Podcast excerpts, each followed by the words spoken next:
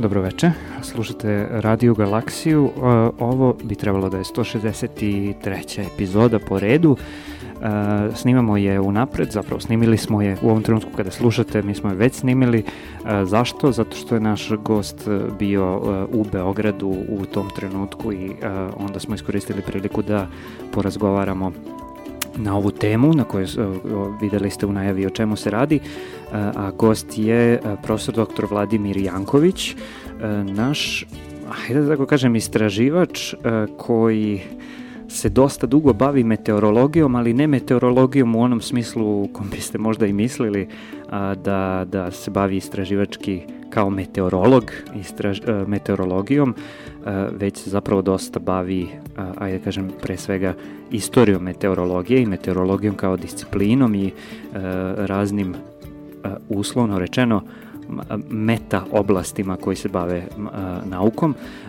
Dolazi sa univerziteta u Manchesteru, tamo je dugi niz godina i ako ste možda nekad ranije gledali Discovery Channel nekako se za njega vezuje ta serija, serijal od pet epizoda, čini mi se, koji se zove The Storms of War, u kojoj je on autor, narator, gde priča o tome ko, uh, na koji način su meteorološke prilike i na koji način meteorologija bila isprepletana, imala uticaja i obrnuto uh, na ishode i uh, na ratove. Što je onako tema za sebe. Verovatno ćemo se na neki način dotaći toga tokom razgovora, ali tu smo da pričamo zapravo i mnogo šire i vidjet ćemo gde će nas sve razgovor odvesti. I evo, dobar dan, dobrodošli na radio aparat. Prvi put ste ovde i mnogo mi je drago. Um, Ajde da krenemo u stvari od, od, od toga čime se vi zapravo bavite, kako ste došli do toga, čime ste se bavili na početku, uh, ste studirali u Beogradu pa otišli u Ameriku, kako ste došli do, do svega ovoga sada? Studio B je imao e, svaki sat vesti koji verujem da ima i sada. Ja sam odmah krenuo direktno i htio pravo da se zahvalim na, na pozivu i na gostovanje ovde. Studio B je dakle imao vesti koji je i dan danas verujem emituje sa posebnim da kažem nekim džinglovima i na kraju a, od te četiri vesti su bile izvešte vremenu.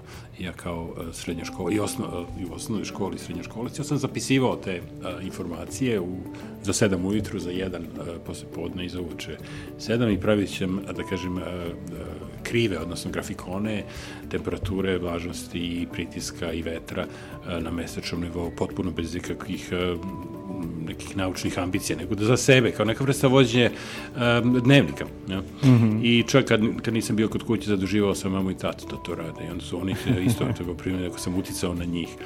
A, tako je počelo, onda sam a, a, se upisao na studije meteorologije, jer između ostalog imao sam dugogodišnji ljubav prema oblacima.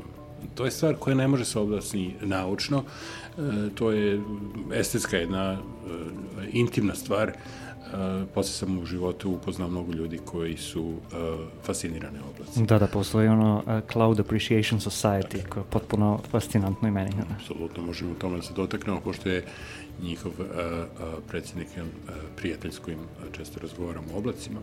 Tako da uh, je me to odvelo u takozvanu uh, fiziku oblaka koju sam završio na uh, Institutu za meteorologiju ovde u Beogradu. Onda sam uh, počeo da radim magistarske studije, međutim dosta sam se uh, brzo prešaltovo u uh, filozofiju i početak studija filozofskih uh, na Filozofskom fakultetu u Beogradu, koji je bio prekinut odlukom da odem u Ameriku na Univerzitet Notre Dame, gde sam upisao istoriju i filozofiju nauke i dobio doktorat, posle čega sam uh, postao istoričar nauke u, na univerzitetu u Manchesteru. To su godine, uh, znači 90. i neka godina, ali da? Da, dakle, ja sam završio uh, doktorat negde 90, sredinom 90-ih, uh, posle toga sam uh, radio jedno vreme u Americi i onda sam se prebacio u Britaniju i O, tada sam zapravo bio i dve godine i u Srbiji, 2009. do 11. kad sam predavao na Union fakultetu, odnosno računarskom fakultetu RAF-u, gde sam držao nastavu iz istorije računara i računarstva u društvu. A šta vam je bio doktorat? Doktorat je bio, da kažem, istorija početaka istraživanja vremena i, odnosno, meteorologije u Britaniji Mm -hmm, znači, da, da, da. 18. vek, ali sa početcima 17. vek, znači i sa završetkom negde pred Napoleonske ratove. Mm -hmm, mm -hmm. To je, a, meni je recimo bilo potpuno fascinantno kada sam shvatio, a, ja se dosta zanimam za meteore i za meteorsku astronomiju i meteorsku nauku i sad naravno svuda gde god sam pričao o tome uvek prvo kažem da meteor zapravo potiče od stare grčke reči meteoros ili meteoron, što znači pojava u atmosferi i da su maltene do 18. veka se pod pojavama, pod meteorima podrazumevala bila koja pojava u atmosferi. Potpuno je meni bilo neverovatno, uh, mislim to je sad ono tema za sebe, na koji način su astronomi shvatili da su recimo meteori uh, kosmičkog porekla. Uh, I u suštini možemo da krenemo i da sad uletimo odmah i u temu šta je meteorologija i na koji način je meteorologija posmatrana u antičko doba ili, pa da, u antičko, postoje Znamo da je Aristotel napisao čuvenu meteorologiju, ali i pre toga je bilo raznih nekih um, raznih nekih bavljenja uh, meteorološkim pojavama, samo što možda nisu na taj način uh, nazivane i uh, definitivno se ljudi nisu bavili meteorologijom, meteorološkim pojavama kako su se bavili uh, u 18. i 19. veku i danas. Uh, tako da možda, ajde da krenemo i od toga. Znači šta je... A, to je stvarno i mene fasciniralo i slično sam se osjećao s obzirom da sam na početku rada razmišljao zašto se nauka o vazdušnim kretanjima povezuje sa rečju meteor. I naravno, a, ima glavni krivac e, tome je Aristotel, ali Aristotel u stvari na neki način sažeo jedno opšte e, znanje. Naime, jedna od značenja prevoda, odnosno meteor, je nešto što je e, lebdeće, nešto što je mhm. okačeno, mm -hmm. visi, suspended. Mm -hmm neka vrsta suspenzije. Dakle, ako zamislite antički svet u kome ne postoji većina tehnoloških i drugih infrastrukturnih, da kaže, stvari koje definišu savremeno doba i kasnije, zamišljate da su ljudi videli stvari na zemlji i videli su stvari koje su iznad zemlje. Stvari koje se nalaze iznad zemlje je vrlo teško da se odredi udaljenost. Mm -hmm. Za sve ne može čovjek da proceni udaljenost meseca. Mm -hmm. Kao što ne može da ne proceni na vedri noćima udaljenost mlečnog puta za većinu ljudi je na kraj krajeva ta udaljenost nije bila bitna. Da im je neko rekao da je mesec jedna kružnica, znači bez zapremine, oni bi rekli, pa to je očigledno i ono menja svoju boju i tako dalje. Mhm. Znači, e, saznavanje tih e, prostora je bilo e, na neki način uklopljeno u potrebe ljudi, oni nisu smatrali da su te stvari koje su bitne da se znaju. ono što je bitno je bilo sezone, ono što je bitno je bilo je, su masline, Mi znamo da je Thales uh, se zanimao prognozi vremena zbog toga što je hteo da odredi koliko će moći maslina da proda, znači da je to jedna vrsta nekog vrsta riska assessmenta mm -hmm, um, koje, koje za, zašto je korišćena to, to Klimat, znanje. Klimatologija za potrebe poljoprivrede. Tačno, I, da, da, tako da je to bilo jedna uh, očigledna stvar. Znači, ako sebe premestimo u Aristotelovo doba, jer Aristotel u stvari kodifikovao taj jedan opšti uh, uh, uh, posmatranje, rekao, stvari koje se nalaze na zemlji, uh, bavi se uh, razne stvari, uključujući takozvanu prirodnu istoriju ili uh, kako se prirodopis mi imamo, -hmm. da, da, da, zovemo Plinije, u tom pogodu recimo rimski, napisao ogromne, ogromne sprave. A rekao je, fizika se bavi stvarima koje se kreću, jel? znači i, opšte, i u opštim prirodama, um, logika se bavi principom razmišljanja, teologija se bavi razmišljanjem o Bogu, i tako dalje. Rekao je, ima jedna kategorija stvari koja se nalaze iznad zemlje, koja je tako lebde um, i, i i nauka koja se bavila tim stvarima je u stvari bavljanje nauka o tim meteorima koji tako lebde gore. Da zovemo je meteorologija. I njegova knjiga, odnosno rad se zove meteorologija. Mm -hmm.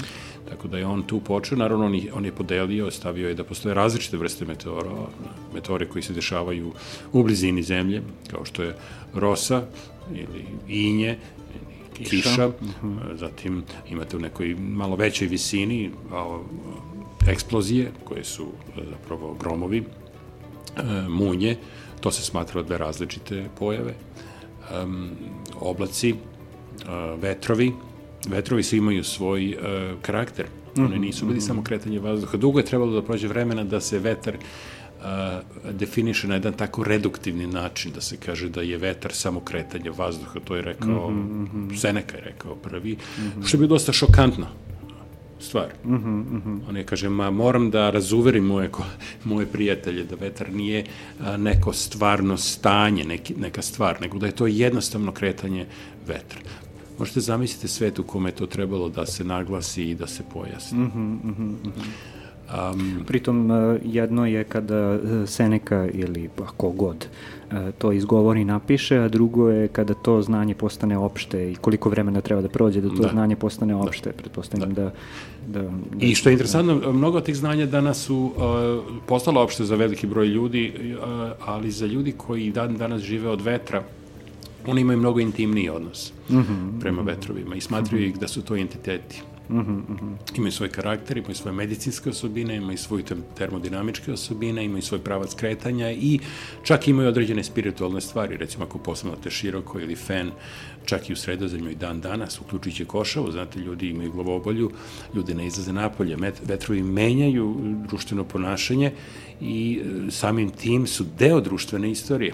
Možete mm -hmm, kaži da je mhm. praktično svaki meteor definiše određenu vrstu društvene istorije. Mm -hmm, mm -hmm.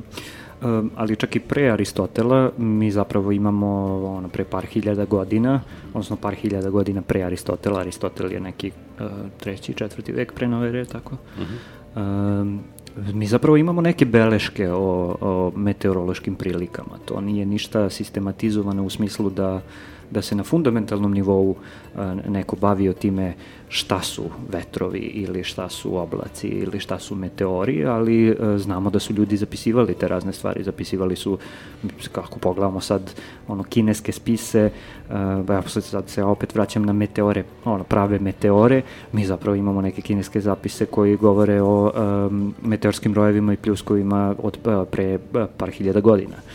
Uh, na koji način je to tada e, e, se dešavalo i ono što je meni možda posebno zanimljivo, a pretpostavljam i slušalcima, kako smo mi zapravo od tih, ne znam, vavilonskih tablica uspeli da izvučemo informaciju šta to tačno znači. To je jedno od e, najinteresantnijih pitanja i, i to je jedno od pitanja koje mnogi ljude, a ovaj, da kažem, natere da postanu istoričari, zato što je uh, istorija zapravo je pitanje uh, mišljenja. Istorija je uh, za, zapravo nauka, ako možemo tako da nazovemo, koja se bavi mišljenjem. A u kom smislu? vi sebe postavite u tu kinesku ovaj, provinciju ili u uh, Vavilon i razmišljate, vi imate posle sa ljudima koje, čija je, da kažem, ta tehnička inteligencija na dovoljno visokom nivou da mogu da razumeju kvantnu mehaniku bez ikakvih problema, što tiče mhm. njihovih kapaciteta. Mm -hmm. Međutim, oni imaju vrlo drugačiji način razmišljanja. Ja?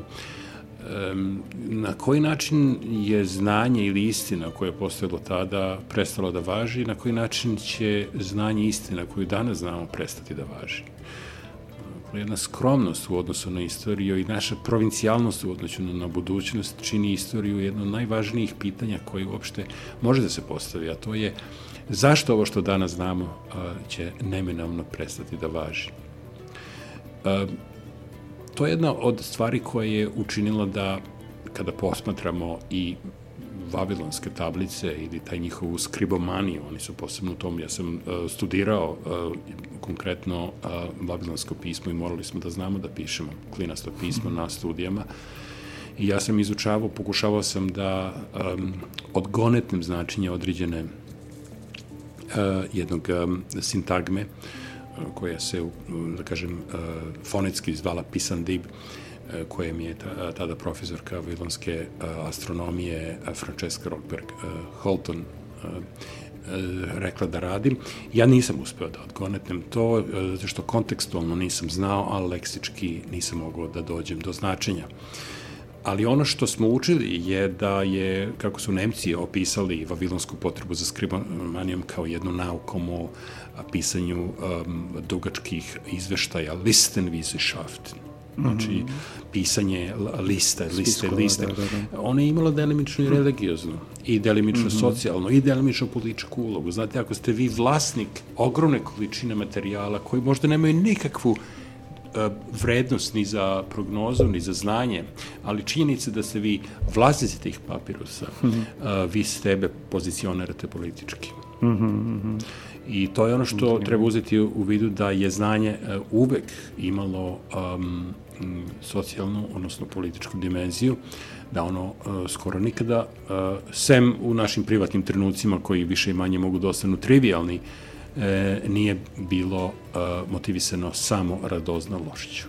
Mm -hmm, Pa da, sad, sad ste me setili na, na Umberta Eka i na, njegovu, na njegove beskrajne spiskove koji dobrim delom zapravo pričaju. Ali on pričaju o tome kako ti spiskovi imaju i neku vrstu estetske vrednosti, a, a mi danas zapravo živimo u svetu spiskova, samo što su ti spiskovi ogromne tabele brojeva sa kojima baratamo a, i na neki način to se nije promenilo.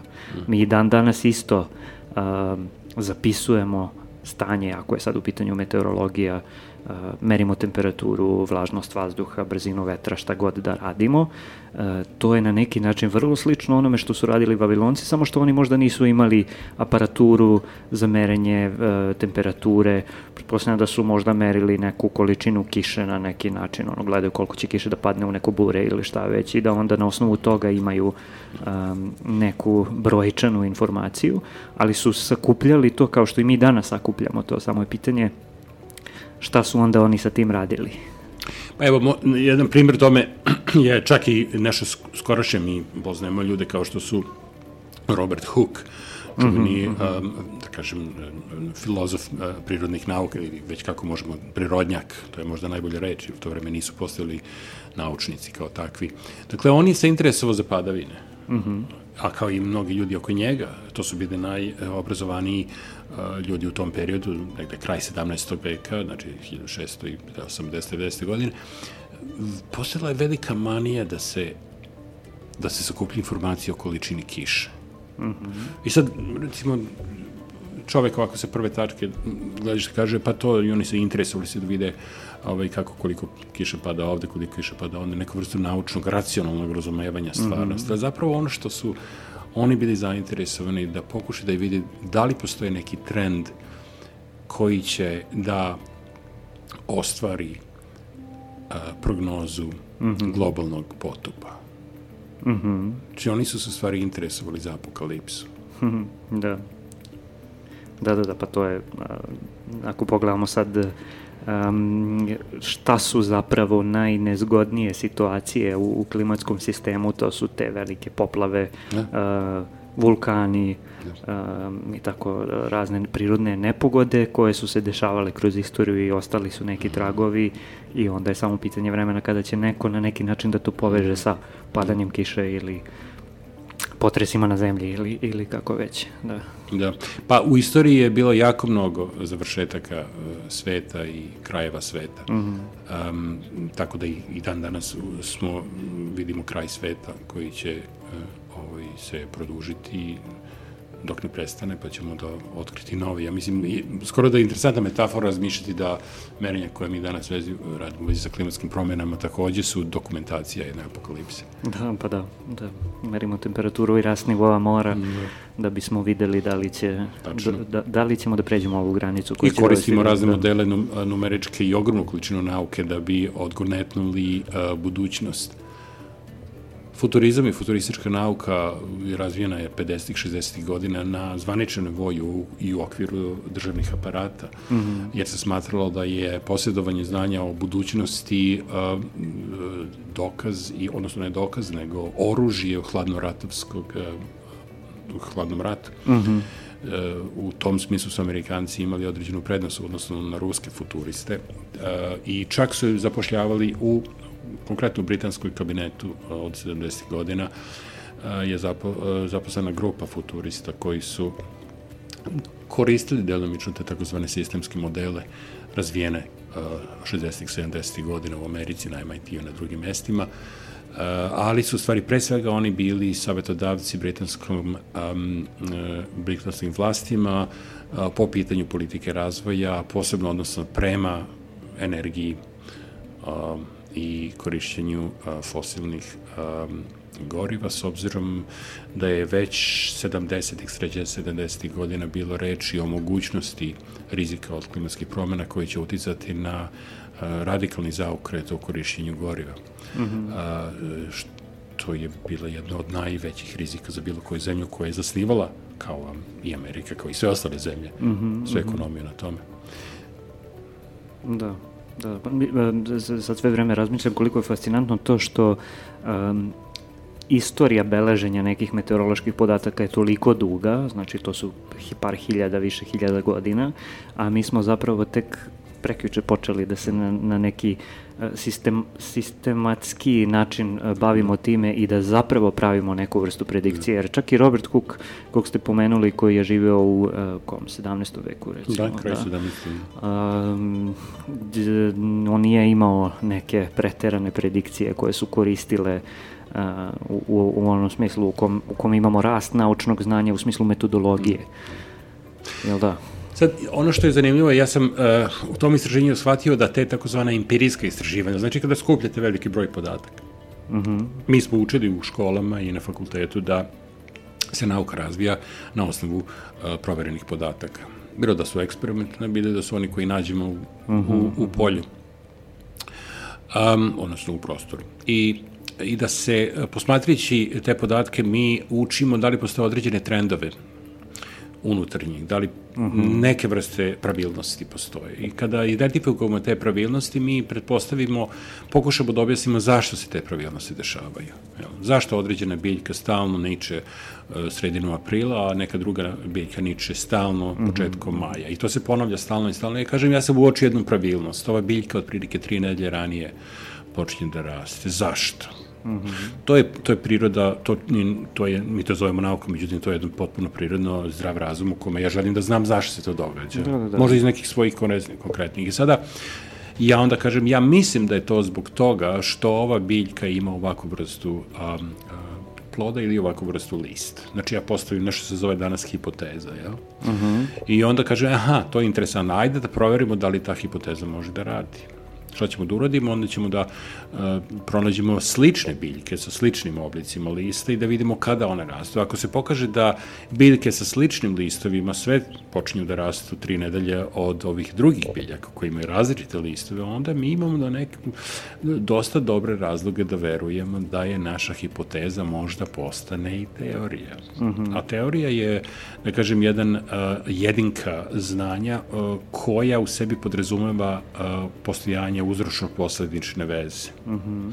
Kada prvi put mi možemo da budemo sigurni da znamo uzrok nečega, mi onda kažemo da posjedemo teoriju. Mhm. -huh. Hipoteza je kada mi pretpostavljamo uzrok, ne znamo ga, ali kada smo se svi složili da znamo, onda kažemo mi sada imamo dobru teoriju, a sad naravno teorija uvek e, može da bude uh, da ukrožena sa mm -hmm. podacima koje još uvek ne znamo. Mm -hmm. um, to je ono što čini nauku izuzetno, da kažem, savitljivim um, tražio sam pre neki dan izraz resilient, mislim da je savjetljivost uh, blizu tome ili fleksibilnost. Znači ono što čini nauku stvarno um, izuz, izuzetno jednom otpornom. duhovitom tvorenom, od, otpornom, otpornom da. ona je ona je otporna u, u, u, u čuvanju svoga, svojih tekovina zbog toga što nije dogmatska, nije doktrinarna. Znate, u mhm, religiji mhm. vi imate jedan princip koji je doktrinaran jeste mm -hmm.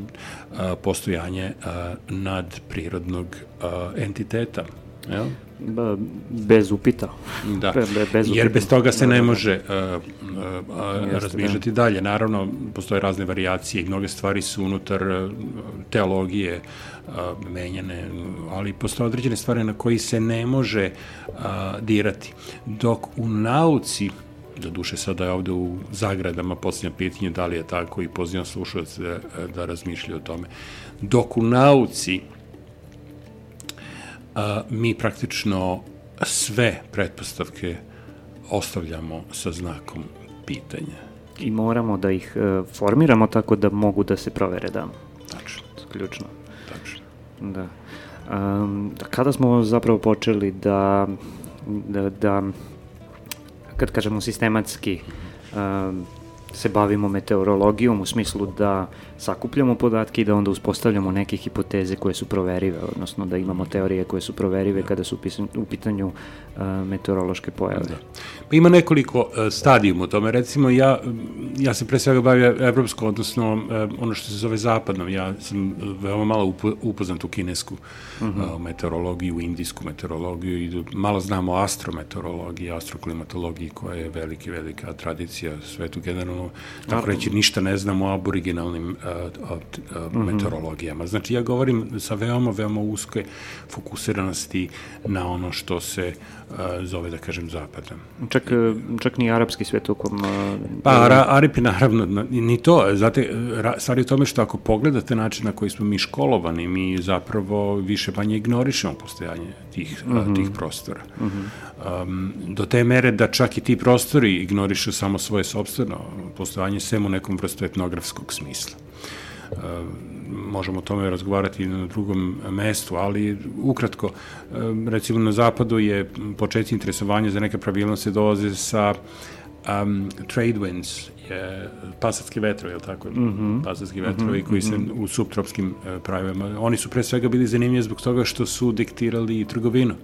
Mm -hmm, a, tako da je, pomorcima je bilo vrlo bitno da znaju kako će da idu a, a, prema zapadu, prema istoku mm -hmm, i da znaju šta će ih gurati. I onda naravno pojavila se potreba da se nešto o tome zna i Hadley je opisao tu čuvenu Hadlejevu ćeliju, definisao je kako izgledaju pasatski i zašto pasati stalno imaju to konstantno duvanje, ili kad odete recimo u Grčku ili Italiju ili, ili na bilo koji deo Levanta preko mm -hmm. leta, vi znate da će tramontana ili da će vam stalno duvati sa severozapada vetar neprekidni, to je da kažem nešto što mm -hmm. garantovano možete očekujete i zato imate i lepo vreme. Znači tu s jedne strane imamo neku evidenciju koja nam kaže da vetar duva stalno sa severozapada, ali mi sad dolazimo do momenta da krećemo da se pitamo zašto baš sa severozapada i da li možemo da objasnimo to, e, tako da znači. bismo mogli da napravimo neku vrstu predikcije um, kada će i u kojoj jačini da, da vetar duva sa... I naravno to je povezano sa rotacijom zemlje mm -hmm. koji je Hadley pokazao. Kasnije su se stvari počele naravno razvijati, komplikovati, usložnjavati i postajati sve zanimljivije za ljude zainteresovane te stvari. Uh, I e, već od, da kažem, kraja 18. veka počinje se, e, pojavljaju neka vrste protomatematičkih teorija e, kretanja e, sistema, s tim što, htio bih da kažem da vreme kao takvo je e, postalo deo meteorologije relativno kasno, znate. Mm -hmm. 18. vek još uvek vidi ljude koji su zainteresovani u takozvane meteore. I moja knjiga mm -hmm. pokazuje zašto je to slučaj. Uh, ljude zapravo zanimaju pojedinačne pojave. Kao i danas. Znači, ako je vreme lepo, ljudi ne komentarišu, ali ako je vreme loše, ljudi komentarišu. Mm -hmm. Znači, to je prirodna potreba ljudskog, da kažem, razmišljenja da bude privučena a, epizodnim pojavama, mm -hmm. a ne dugotrajnim znate, ili jako dugotrajno ako su loše, kao što su poplave. Znači, kada mi uh, imamo dugo lepo vreme, ljudi komentarišu lepo je vreme i tako dalje, međutim, kada imamo ogromnu poplavu, mi onda uključimo radije, vidimo i senzacionalne snimke šta se dogodilo. To je uvek bio slučaj. Isto i u nauci. Da.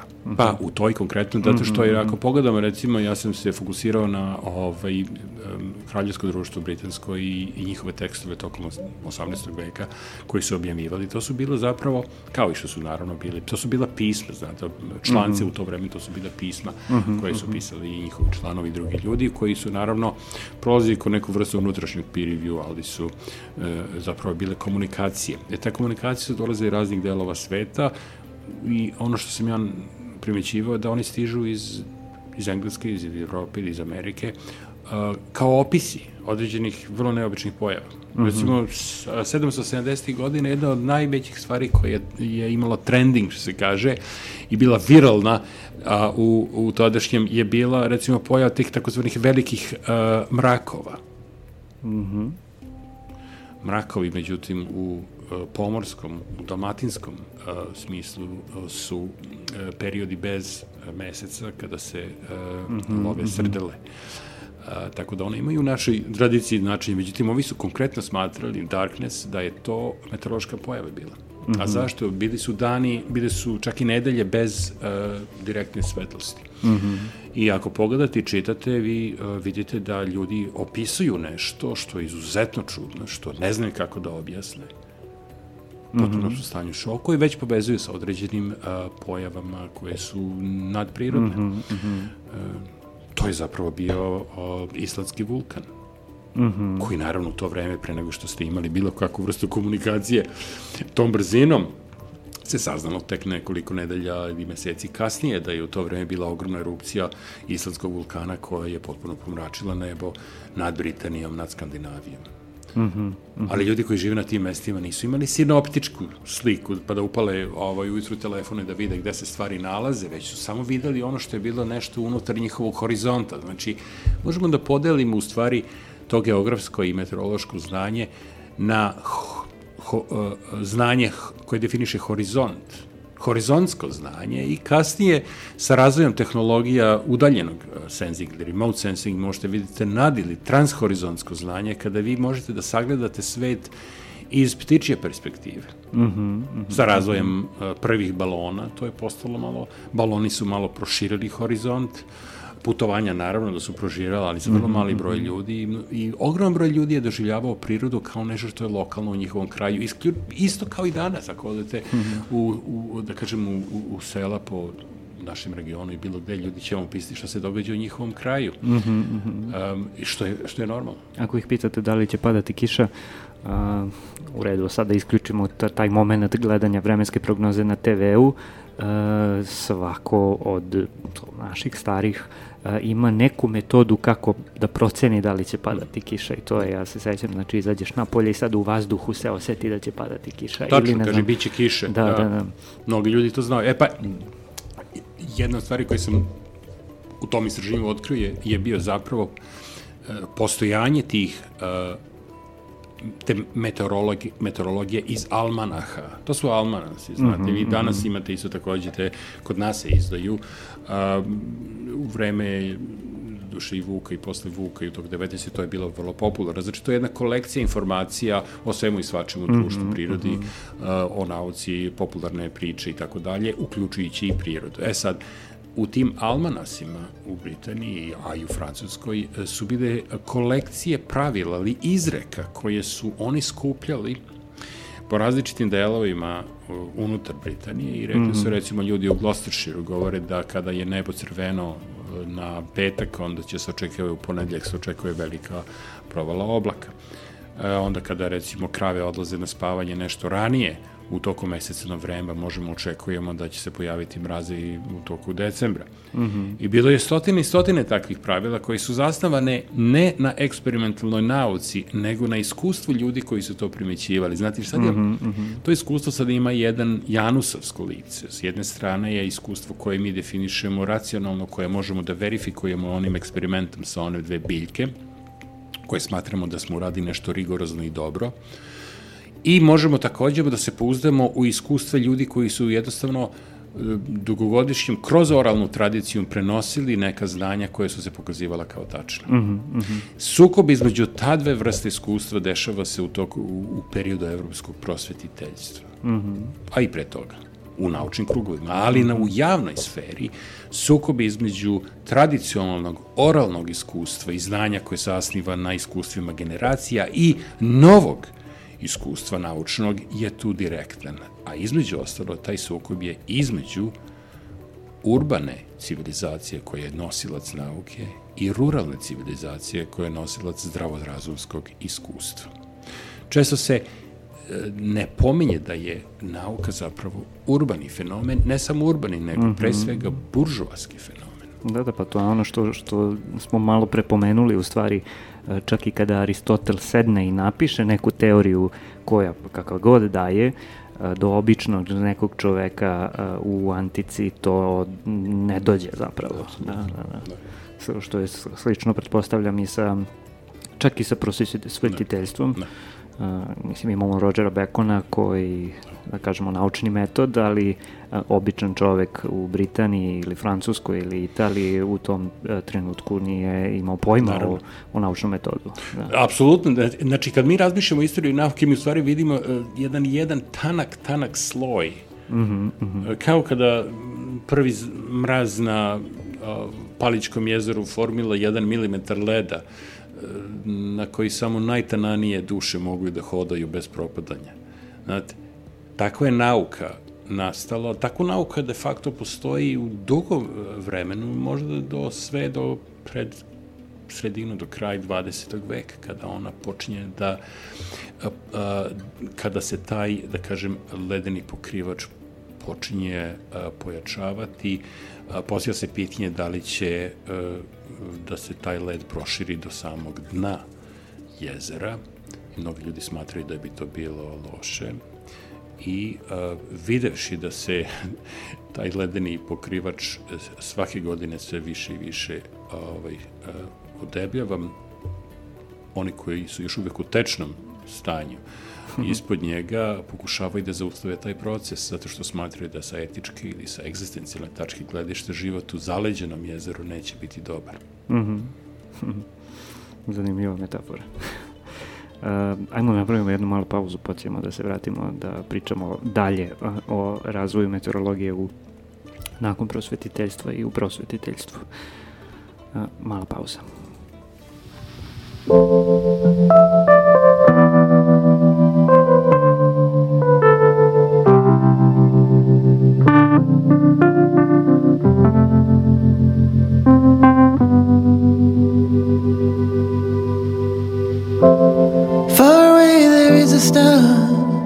Raining through the night sky like a drug. Give them all peace of mind for me.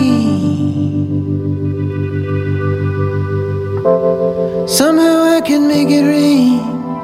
Diamonds in the night sky, I'm like a child. Now I'm all beaten up and weak.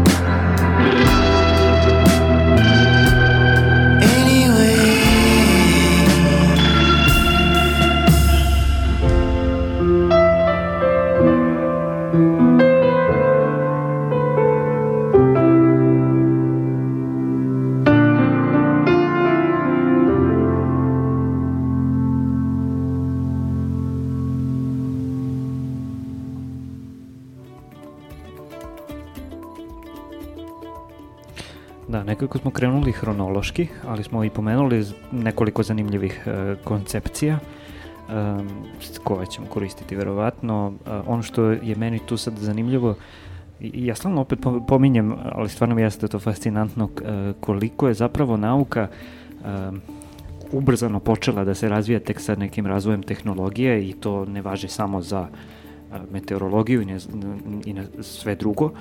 I potpuno je neverovatno da mi nešto što danas uzimamo zdravo za gotovo, poput termometara, na primer, nisu postojali do relativno nedavno. Znači ne samo termometri, nego ne znam i barometri i tako razni neki instrumenti koji su korišćeni. Um, pre svega od strane moreplovaca i tako dalje, nisu postojali do kog 17. 18. veka, mi ih danas uzimamo zdravo za gotovo i ono što je sada dok smo i pravili pauzu meni prošlo kroz glavu stalno mi pri, stalno pričamo o tome kako smo mi sad nekako superiorni što se tiče svih tih znanja i tehnologija i metoda i pristupa i tako dalje u odnosu na neke prethodnike i prethodne generacije. E, što može vrlo lako da sklizne u to takozvano vigovsko tumačenje istorije, a to je da, da smo mi danas napredniji intelektualno u odnosu na, na, na, ne znam, e, ljude iz renesanse ili na ljude iz antike, što zanimljivo je bilo kad ste pomenuli da, da neki vavilonci koji su se bavili tim nekim stvarima u tom periodu e, su imali kapacitete da razumeju kvantnu mehaniku. Uh, kako je došlo do toga da, da se tek 17, u 17. 18. veku uh, pojave prvi neki instrumenti koji su korišćeni za merenje uh, vremenskih prilika i kako se to dešavalo, kako se taj razvoj tehnologije uh, ubrzao do danas kad mi zapravo imamo i satelite i balone i svašta nešto.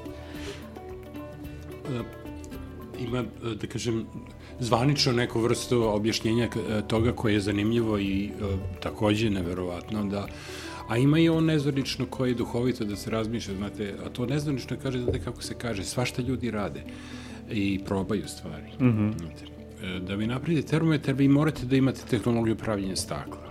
I morate mm -hmm. takođe da znate kako da izlujete živu. I morate da znate da je ne progutate. I morate razne stvari da imate u vidu kad se igrate sa takvim stvarima a, može se kaže da je izvor nauke neka vrsta igre ili da je to zapravo bio homo ludus mm -hmm. koji je, ljudi probaju razne stvari. Delimično iz radoznalosti, delimično iz viška vremena, delimično iz činjenice da nema im drugo ništa šta da rade zbog toga što su finansijski ili materijalno situirani, ili zbog toga što nisu e, dovoljno zdravi da bi se bavili fizičkim radovima koji su, da kažem, neka vrsta legitimnog posla u 15. veku pogledate Bošove slike, vidjet ćete radne ljude po poljima, vidjet ćete mm -hmm. stvarno se ta, vidjet ćete vidjeti jako mali broj ljudi koji sedi u svojim laboratorijama zatvorenim. Mm -hmm. Znači, taj monastički odnos prema znanju je bio rezervisan za ljude koji su se uh, uh, bili de facto monasi. Mm -hmm. E sada, kada se napravi termometar, e, on, on nije napravljen da bi se merila temperatura vazduha, niti se znalo što je temperatura. U stvari, za, ako jeste zapravo, temperatura imala drugo značenje. To je bilo jednostavno temperament neke sredine. Ukoliko je temperament sredine bio jači, uzburkaniji, onda se povezivala sa rečju toplota, pa se kaže mm -hmm, da mhm, ovde je sad mm -hmm. toplo, je temperamentan čovek, obično kažemo temperamentne nacije dolaze mm -hmm. sa juga, jel? I ta reča temper je u stvari taj, ta temperamentnost koja je iza reči temperatura. Um, zašto bi neko želeo da zna temperaturu nečega, zavisi od toga čime se ko bavi.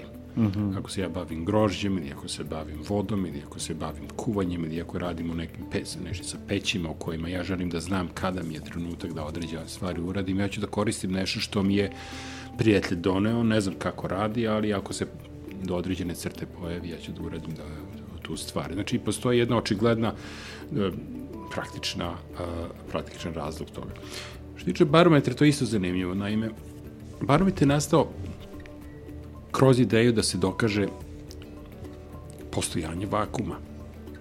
Pošto je za Aristotela um, vakum, kako ga je opisan, abhorentan, e, samo ne bih želeo da ova reč uđe u, u srpski, e, znači nešto s čega se priroda gadi ili čega se odriče priroda. Priroda e, ne podnosi vakum u Aristotelovom svemiru, zbog toga što u Aristotelovom svemiru priroda je finisana kao plenum, na latinskom znači punoća. Mm -hmm. Nijedan deo prirode ne može a da ne bude ispunjen određenom vrstom materije. To je Aristotelova pretpostavka. Aristotel u 16. i 17. veku i dalje važi, isto kao što da kažem um, Einstein važi u 20. veku.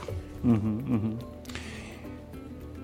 Kada jedan britanski aristokrata pod imenom Robert Boyle kaže da on može da pokaže da Aristotel greši Naravno da je to šokantna pretpostavka.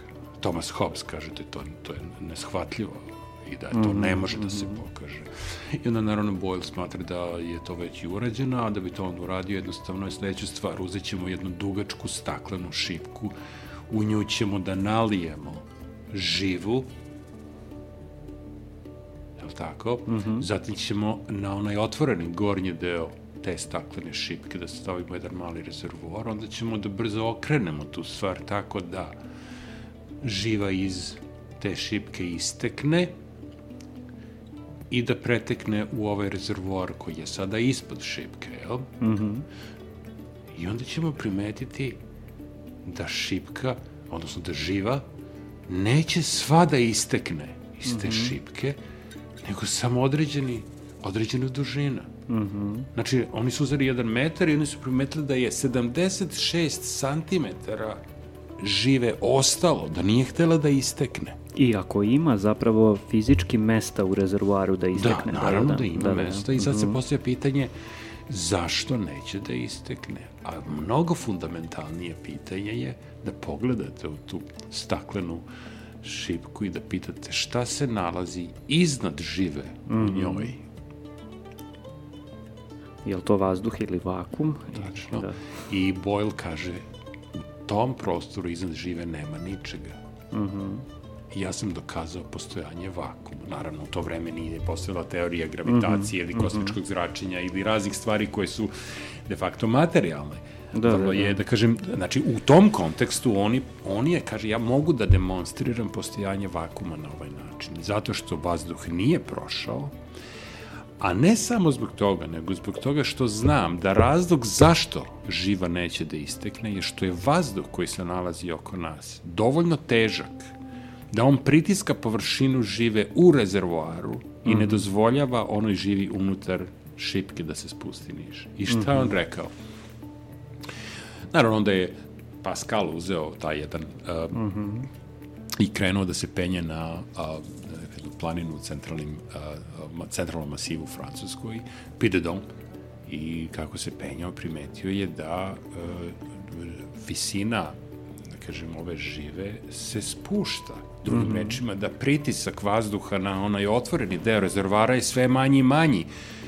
I on je pomislio, da li je moguće da mojim penjanjem na visinu ja se sve više i više približavam mestu gde vazduha možda neće ni biti. Jer ja, meni je ovde sve manje i manje vazduha. Na kraju krajeva ja se sve više i više umaram. Očigledno nešto se menja oko mene potpuno ispravna pretpostavka. Ispostavit će se, da. Dakle, vidite, to je, to je suština nauke, znači tu nema nikakvo, da, da, da. nauka jedno, jedno zdravo razmišljenje ka, da, kako da objasnite pojave oko sebe. Mm -hmm. I na taj način dolazi do razmišljanja da je a, da je moguće koristiti barometar i kao indikator visine mesta na kome se nalazi, a onda su primetili da ako ga držite u svojoj sobi, da se ta živa pomere gore i dole i oni su rekli zašto je sada ovo, oni će rekli to znači da se pritisak vazduha na ovom mestu menja u toku dana ili u toku meseca. Mm -hmm, mm -hmm. A zašto bi se pritisak menjao? One su primetili da kako god živa padne, pada kiša živa ode gore sija sunce. Oni su rekli, pa ovo je nevero, mi imamo magičan instrument. Koji može sve živo da izmeri. Apsolutno da. možemo da, ako počne da pada živa, mi možemo da očekujemo kišu. Pritom u tom periodu mi zapravo nemamo jasno definisane relacije termodinamike. E, Nema nikakve predstave o tome. Da, da, da, pritisak. Samo ono što je pomenuo pasarski da, vetrovi za, za ove mornare. Da, da, da. Ali to nema nikakve objašnjenje. I nikoga zapravo i to ne zanima. Zbog toga što ljudi imaju neka pravila po kojima se rukovode, a i da se razumemo za većinu ljudi koji žive u urbanoj sredini, da li kiša pada ili ne pada, Nije ne važno zbog toga što Da, da, da. ostaju kući da čitaju. Da, da, da, da. A do ruralne sredine zapravo takva, takva instrumentacija ne može da lako ni dođe. Da. A, Zanimljivo. Znači, to je Pascal i to je period od, to je 18. vek, ili, ili To je, 17? še, to je šest, a, 17. vek, da. sreda. A, to su prvi početci, a, kasnije ta eksperimentacija se nastavlja. I ono što, ono sa, što je zanimljivo, što odmah treba pomenuti je da je popularnost barometra kao instrumenta e, postala velika i počeo da se proizvodi serijski. I Mhm, naravno, posle se vrlo dobri, ne baš tako dobri. A, a zašto? Zbog toga što su ljudi koji su imali novca želeli da ih imaju kod kuće, zato što je Mhm. to bila jedna stvar i kada vi kupite ovaj, e, da kažem, Spectrum ili Commodore u moje vreme, kada smo, to je bila senzacija da čovjek pokaže šta ima kod kuće. Da, da, da. Najnovije dostignuće Najnovije tehnologije. dostignuće tehnologije, barometar. Možete zamisliti, dovedete svoje prijatelji i kaže, evo ja ću sad da ga malo čuknem i on će malo da padne žive, ja prognoziram za dva dana kišu i dva dana divu. Vi imate e, društvenu moć, imate ugled, e, imate ugled i socijalni prestiž posjedovanjem jedne takve stvari, tako da u tom periodu nauka postaje instrument socijalnog e, prestiža. Da, da, da. Ja, ja sam više zamišljao epizodu recimo nek, nekog ono Monty Python showa gde, gde ljudi dovode goste da im pokažu kako, kako su im različite temperature i pritisci u, različitim Pa jeste, prostorijama. Da, da, pa da. zapravo baš to. Da, baš da. to. Tako da, A Pritom i to nerazumevanje termodinamike, sad sam se setio jednog fenomenalnog vica a, gde je Lord Kelvin, a, jel te, na dvoru a, kralja, sad sam zaboravio kog, Henrya, a, ne znam, nije, nije ni važno, i ovaj kralj ga pita, a, Kelvine, reci mi koliko ima temperatura, koliko je stepeni na polju, a Kelvin kaže dva, koliko je unutra, kaže 23. Ajde otvori taj prozor da uđu i ova dva. znači u tom periodu zapravo mi nismo imali ni, ni razumevanje e, ento, entropije i termodinamičkih procesa Ne. i tako dalje, to je te kasnije došlo. Ali smo zapravo imali neku vrstu instrumentacije koja je došla iz te neke radoznalosti da nešto uradimo sa... Pa, mnogi ljudi su pravili alkohol, mnogi su pravili ljudi bi, a, a, pivo. Um, znate, to su praktične stvari. A, mnoge stvari koji se bave klasičnom mehanikom, ako se setite, Mušenbrock i mnogi od poznatih a, Leeuwenhoek, a, dakle, ta m, a, škola, a, holandska škola klasične mehanike iz 18. veka direktno proizilazi iz činjenice da su ljudi tada počeli da prave stvari od gvožđa i od drugih legura, metala, i da ih koriste u razne svrhe i da primećuju efekte koji su bili zanimljivi da se razumeju. Slično i sa optikom, da. Znači, znači nikada mi ne možemo zamislimo da je nauka neka vrsta, a, da kažem da je tehnologija primjenjena nauka, to se dešava jako kasno, mm -hmm, tek može u 20. veku. Pre se može reći da je zapravo nauka posledica određenih vrsta tehnologija koji su bile prisutne, jer vi ne možete da razmišljate o fenomenima koji nisu prirodni koji se, ili koji se dešavaju u laboratoriji bez da imate laboratoriju koji je jedan tehnički jedan, mm -hmm. jedan konkretan tehnički proizvod, mm -hmm. materijalni proizvod. Znači, Da, da, da. nauka je posledica razvoja materijalne kulture. A zapravo u to vreme nismo ni imali neku vrstu posebnih e, laboratorija, više su to bile neke majstorske radionice koje Tako su i nastale laboratorije. Da, to su da, da. bile zapravo laboratorije za njih. Naravno, mi kad vidimo Lavoisier, on radi u jednoj vrlo elaboriranoj laboratoriji. Često sam čuo da je, kad se pominje da se, mada nije direktno povezano laboratorije, da je e, labor, labor rad, oratorijum, da, molitva, da, da. znači to je jedna molitva u radu da bi se došlo do tog alhemijskog e, zlata, jel? Da, Jer da. da prve velike laboratorije zapravo jesu bile alhemijske. Mhm, mhm.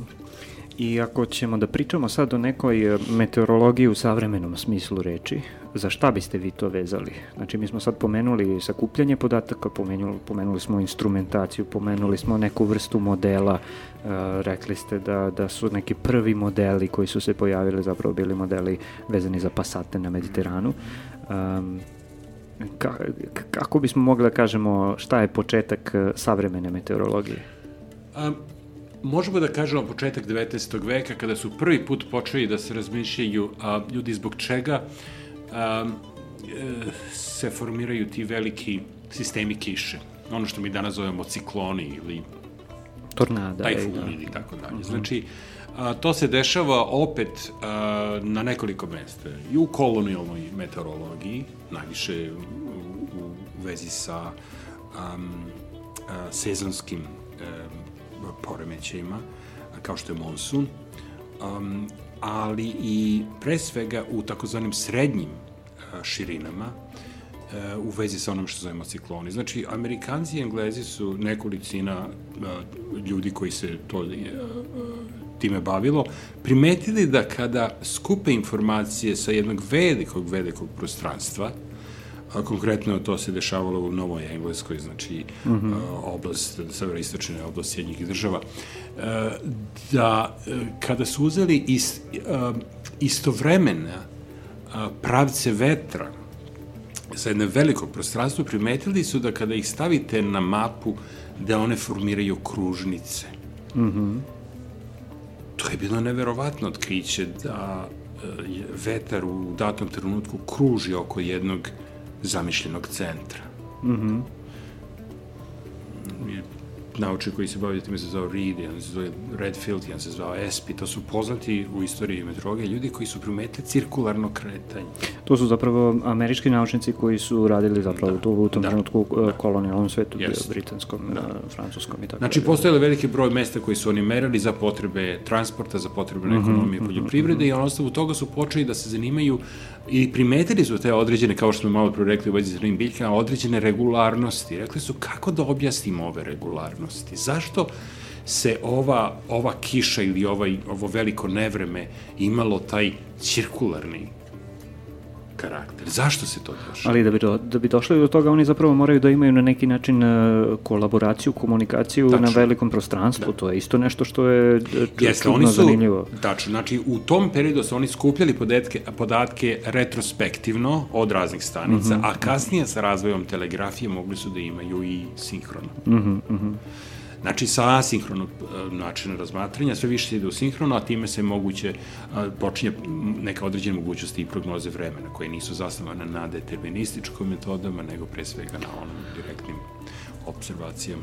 E, ima ona jedan, ako se ja dobro sećam zapravo, ako sam to negde dobro čuo, desio se neki veliki tornado na Floridi, mm -hmm koji zapravo Amerika uopšte nije mogla da primeti, ali su recimo kubanski meteorolozi uspeli da izmere i tako dalje, samo, samo nije postojalo uopšte komunikacije, mm. uh, jel sam dobro se setio neke Ja ne znam taj slučaj, ali to me potpuno, da, ovaj, to, me, to, me, to me ne čudi, da. Da. Pa, može se reći ukoliko nije nešto detektovano, nije se ni desilo. Mm -hmm. Tako da zavisi za koga se desilo, tačno da kubanci se desilo, za amerikanci ne, ako ih su ih da, da, videli, da. da. da. Znači, negde u 19. veku zapravo kreću na američkom e, kontinentu da. da, da se sistematski umrežavaju stanice i da se onda na osnovu e, umreženih podataka formira neka šira slika o tome kako izgleda, kako izgleda jedan tajfun, e, tornado, i onda na osnovu toga verovatno i ideje o tome šta je uzrok i kako nastaje. Da se razumemo, naravno i na evropskom kontinentu i, i posebno u kolonijalnoj, kolonijalnim prostorima. Mm -hmm jer znate, Britanska imperija je imala veliki interes da zna kako je vreme na kojim mestima da bi mogli da optimizuju sve operacije. Mm -hmm, mm -hmm. A, bilo u pitanju ekstrakcije a, prirodnih materijala, bilo prirodnih prevoza i bili, ili u, u kontekstu kontrole stanovništva a, u kojem je Mike Davis pisao kada su a, jedno veliko, ovaj, da kažem, a, gladovanja i veliki broj smrtnih slučajeva je u Indiji pripisan uh, promeni sunčanih pega, dok je zapravo bio kontrola uh, pristupa žitaricama u tadašnjim skladištima. Um, znači, ponekad se prirodne pojave su koriste da se opravdaju mm -hmm. politički činovi mhm. kontrole stanovništva u kolonijalnom periodu. O tome Mike Davis napisao knjigu koja se zove e, Viktorijanski genocidi. U svakom slučaju, ono što je u tom trenutku postaje moguće je da se koristi veliki broj takozvanih podataka merenja iz onih instrumenta koje smo pisali da bi mm -hmm. se uh, formirala neka slika ili nazovemo sinoptička slika uh, velikih sistema. E sad ono što je stvarno zanimljivo je da u tom trenutku niko u stvari ne može da osmotri postojanje tih sistema u trenutku kad se oni dešavaju. Oni samo mogu retrospektivno da se osmotre ili da se zamisle u glavi. Mm -hmm. Dakle, ovo mi smo se toliko razmazili činjenicom da imamo satelitske snimke tajfuna ili ciklona ili kiša, da mi ne možemo zamislimo da ljudi nisu mogli da pretpostave da, se, da, je, da je nešto tog formata, prečnik od 2 do 3 hiljade kilometara, tu da je negde, to jedan entitet, da, da, da. Mm -hmm. da je to mhm. jedna pojava, mm -hmm. da je to jedna stvar, da kažem, koja se kreće. Mm -hmm. Zamislite jednu takvu ogromnu stvar u pokretu, je prosto protiv prirodno. I zanimljivo je što, što zapravo a, ta neka meteorologija vezana za, za tornada i to je nešto što je takođe a, još novijeg daha. O, ovaj, ja se sećam kad sam bio mali, bio onaj neki film Twister, ovaj, koji je pričao baš o tome na koji način su naučnici skontali kako da zapravo mere brzinu, brzine strujanja i da onda mogu da uh, nekako uh, naprave model kretanja. Sad ja nekako retrospektivno možda i um, povezujem priču filma sa nečem što sam čitao nevezano za to, ali meni je to bilo potpuno fascinantno kako zapravo u nekom trenutku uh, se neko dosetio da pusti neke lagane uh, merne instrumente koji će da mere zapravo brzinu, on pusti ih u tornado i onda se oni razlete po celom tornadu mm. i vi onda sakupite te informacije na Naravno. neki način što je to, sad film je čini mi se iz 90. godina, možda čak i mm. kasnije, ali sam eksperiment verovatno nije uh, daleko pre toga. Da. Ne. Pa gledajte, e, samo e, puštanje balona u, mm -hmm, u mhm, vazduh mm -hmm. je mhm. od početka devet, od 20. veka bilo normalno. Mm -hmm. Oni su radili to i prethodno, čuveni James Glacier u, u Britaniji, letao na velike visine, mm -hmm, noseći instrumente, noseći čak i životinje da vidi kako se -hmm, ponašaju. Mm -hmm. A, Cepelini su bili isto prevozno sredstvo. Cepelini, ali ovi baloni su bili konkretno za istraživanje mm -hmm. šta se dešava na velikim visinama. Tako da se oni obuku toplo, odu gore, izmere temperaturu, skupe stvari, vidiš što se događa u, oblic, u oblacima i oni se vrate dole. Oni su bili mm -hmm. vezani um, na čekrk. Mm -hmm. uh, to nisu bili slobodni baloni mm -hmm. za letanje, mm -hmm. nego baš eksperimentalno. Oni, to se već počinje uh, Mongolfije braća rade u krajem 18. veka. Mm -hmm. Baloniranje, mm -hmm. pre svega za spektakl na velikim skupovima, gde se često povezuje to baloniranje sa formiranjem ogromnih masa ljudi koji su to gledali, a sa tim i nekom vrstom revolta prema političkoj vlasti u, u tom periodu, tako su baloni ponekad bili za, za začetnici te socijalne revolucije u nekim mestima, posebno u Francuskoj. Ali hmm. to je uzgred, budi rečeno šta sve hmm. takve stvari mogu da prenesu. Prvi pokušaj da se zapravo objasni e, razlozi zašto se ovi ogromni sistemi kreću u tom cirkularnom je povezano sa takozvanim Coriolisom, francuskim naučnikom, koji je mhm. pokazao zbog čega vetar kada počne da se kreće prema višim geografskim širinama počinje da skreće ulevo. Mm -hmm. A, znači, to je bila već ono što zovemo teorija, da mi sada znamo uzrok skretanja u kretanju, u suprotno okretanja od kazaljke na časovniku. E, i zašto su cikloni na severnoj e, polu lopti se kreću u tom pravcu, odnosno u tom smeru, a zašto se cikloni na južnoj polu lopti kreću u smeru kazaljke na časovniku? Iz vrlo, istog da, vrlo sličan problem zašto se u slivniku na severnoj hemisferi kreću u uh, suprotno. Sličan problem, da, da tačno. Da, da, da. Uh, I mi zapravo u tom trenutku sa Coriolisom i, i otkrićem pod navodnicima Coriolisove sile uh, imamo i prvi matematički model uh, da. kretanja da. vazduha. Imamo, to je, mislim, sad možemo da ulazimo u detalje toga koliko god hoćemo, ali u, ukratko, uh, stvari počinju da se menjaju sa početkom 20. veka, kraj 19. sa Bjerknesovim modelom, odnosno sa pretpostavkom da se kretanje vazduha može opisati matematičkim jednačinama uh mhm. -huh. i da se, ukoliko bi mogli uspeli da rešimo te matematičke jednačine za konkretne slučajeve, da bi mogli u stvari da uh, i da pretpostavimo neko buduće stanje, znači da T plus 1 mm -hmm. uh, i samim tim moguće ostvariti neku vrstu prognoziranja budućeg stanja uh, vazduha. Naravno, tako reći zvuči fantastično, mm -hmm. praktično izvesti to je skoro bilo nemoguće i bilo je nemoguće dugo, dugo mm -hmm. vremena.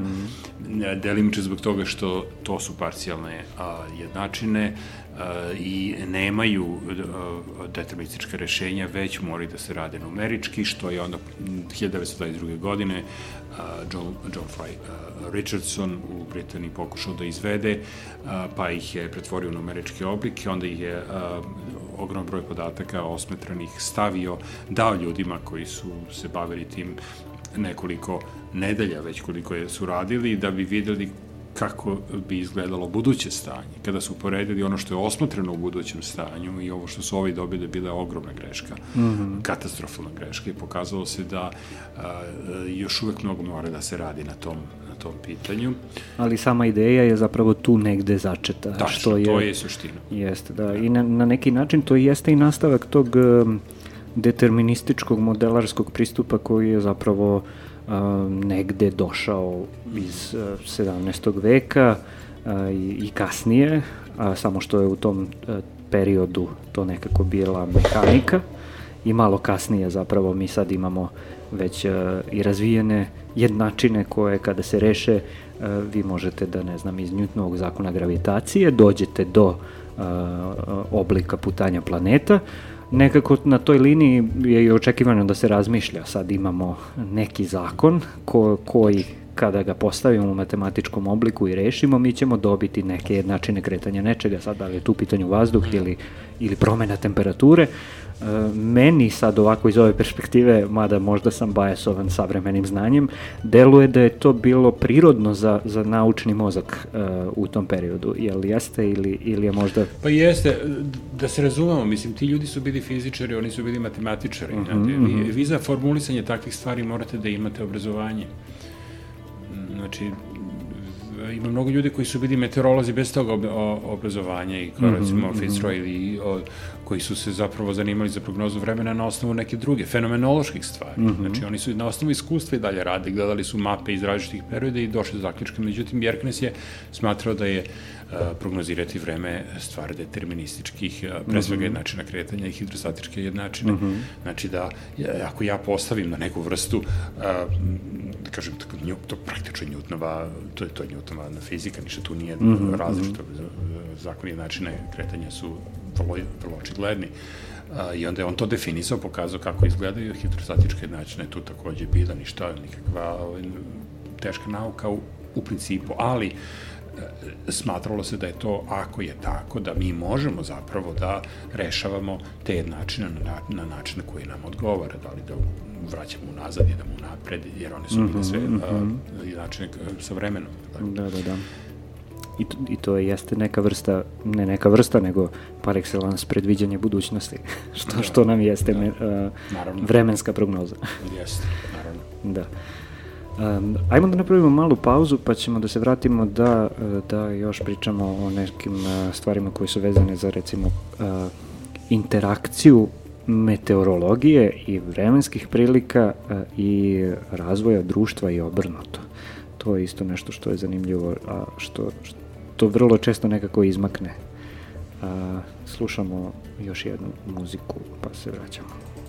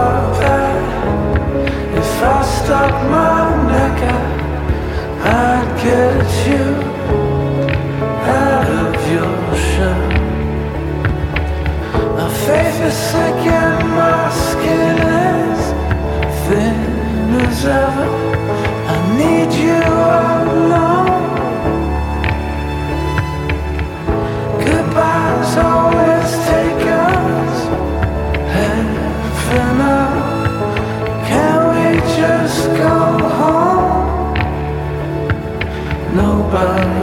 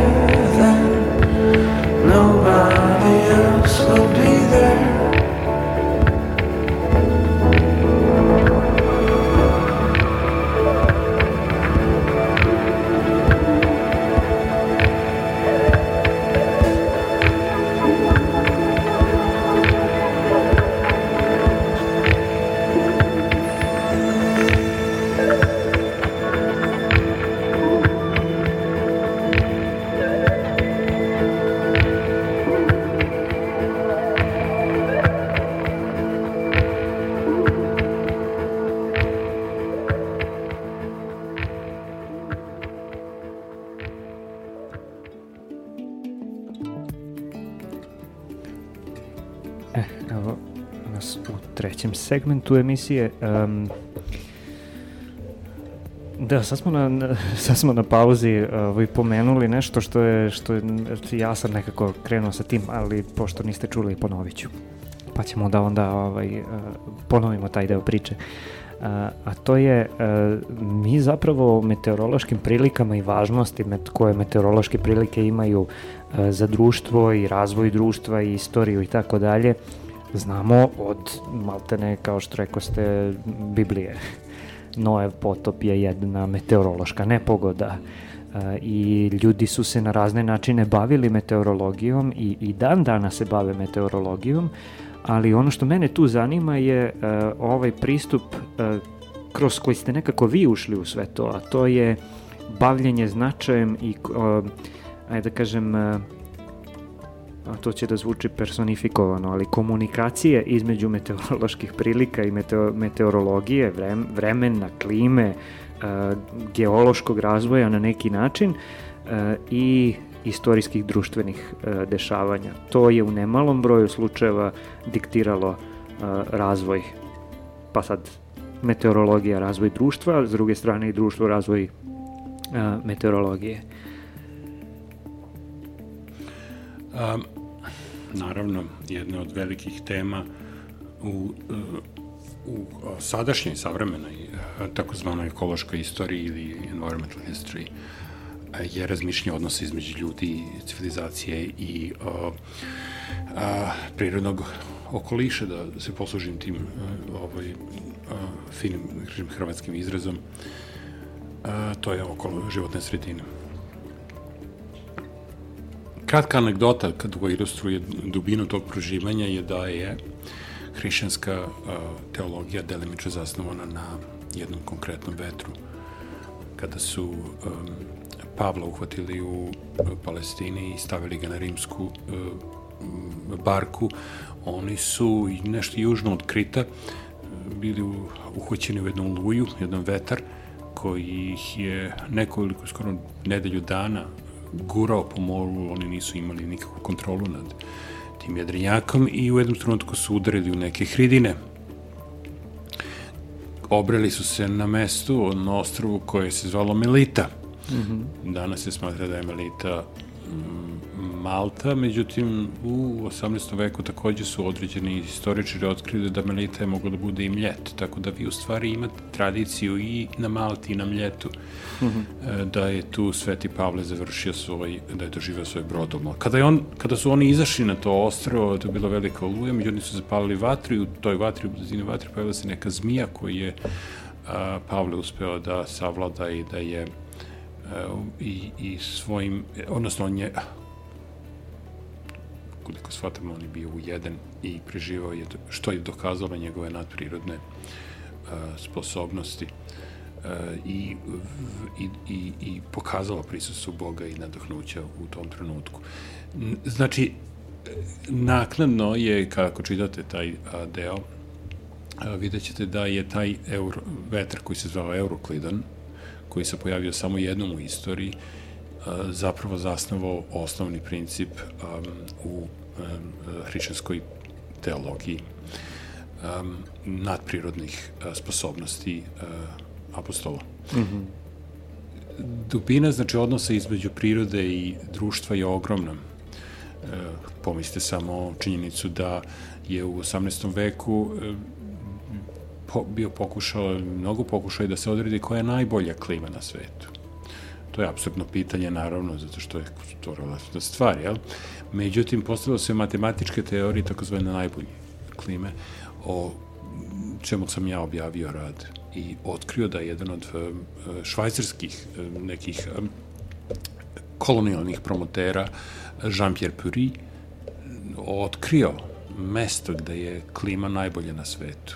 I sad se vratno pitate i gde je, ja ću vam reći, to je on otkrio da se nalazi u Južnoj Karolini, na istočnoj obali Sjednjih država, a na osnovu matematičke formule. Mm -hmm. E, zašto je ona najbolja? Nije najbolja zbog toga što je na, neminovno najprijatnije. Ona je najbolja zbog toga što na toj lokaciji raste najveći broj poljoprivrednih artikala bez ljudske pomoći. Mm -hmm. Jedna vrsta automatskog proizvodnje e, ovaj, proizvoda, mhm. -huh. koja onda imate de facto u svakom uh, merkantilističkom uh, ovaj, proračunavanju, uh, dođete do zaključka da ako vam priroda besplatno proizvodi, vi imate znači, besplatnu radnu snagu, priroda to proizvodi, vi imate u stvari ogroman profit te proizvode da prodajete, kao što recimo mhm. -huh. šećerna trska ili kafa ili već da radite banane. Znači, najbolja klima na svetu je ona gde je profit između uloženog rada uh -huh. i mhm. dobijena dobiti maksimazivan. Da, da. Znači, to je definicija dobre klime u merkantilističkom periodu. Da, da, da, da.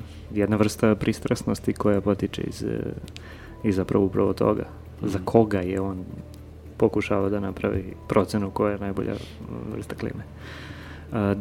Da, volao bih isto da možda pomenemo na koji način je Milutin Milanković tu recimo značajan kada je u pitanju istraživanje klime i meteorologije i, i um, i, i razvoja generalno razumevanja toga na koji način su meteorološki, klimatološki procesi mm. značajni za, za istoriju nauke i za društvo. Pa, Milutin Milanković je dao značajan doprinos paleoklimatologiji a, i razumevanju a, astronomskih uzroka promene klime, takozvane sekularne promene klime, radeći a, dugo godina na matematičkim a, proračunima. I on je imao, da kažem, potvrdu svoje teorije kroz nezavisan geološki nalaz koji su radili nekoliko više naučnika, prevaskodno na terasama u alpskim predelima, i kasnije i po um, naslegama i foraminefere a, i izotopa kiselnika iz um, takozvanih jezgara, zaleđenih jezgara um, sa polova i sa dna okeana. Znači ono što je njegovu teoriju posebno bilo atraktivno nije samo izračunavanje koje samo po sebi moglo da bude pogrešno, nego nezavisna provera iz geološkog i mhm, okeanografskog mm -hmm on, nažalost, u tom trenutku nije znao da će te stvari biti proverene, jer su rad na izotopima se tek razvija u vreme njegove smrti 55. godine, kada je on zapravo posle jedne konferencije u Rimu doživao veliku kritiku od strane tadašnjih učesnika konferencije i umro je verujući da njegova teorija nije bila ispravna.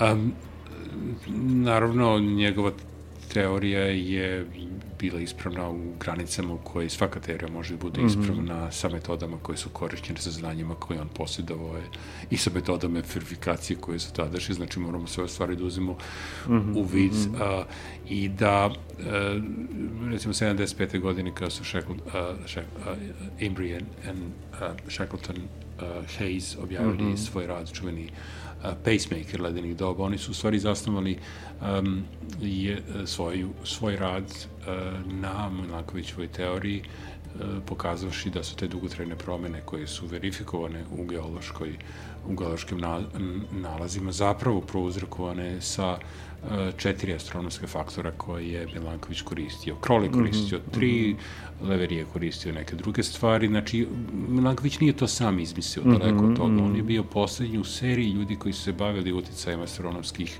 parametra na promene sekularnog toka klime i mislim da ne treba mistifikovati njegov doprinos i niti bi ga on mistifikovao, on bi naravno rekao da je mnoge stvari koje je uradio, uradio zahvaljujući saznanjima koje je imao od svojih prethodnika. Mm -hmm, mm -hmm, naravno, da. da. Uh, I ovde sad možda možemo i da, s obzirom da ne možemo da dođemo do uh, ove serije ko, koje ste radili, to, to je isto jedan zanimljiv segment toga na koji način je klima i na koji način su vremenske prilike uticale na, na društvo. Znači vi ste pre koliko godina je to bilo? Pa oko 15 godina, da, da, da, serijal koji se zove Storms of War uh, i nekoliko epizoda zapravo iz istorije uh, ste razložili u kontekstu uh, toga na koji način je meteorologija uticala na ishod događaja, a s druge strane ono što, što ja znam je da su neki ratovi zapravo upravo zbog toga što uh, da, da bi rat bio bolji, a, doprineli tome da se meteorologija razvije. A, možete nam navedete par primjera, meni to posebno zanimljivo. Pa, ako, pa naravno ima klasična a, epizoda je prognoza iskrcavanja savezničkih trupa u Normandiji 44. godine Dan u junu, kada, je, da.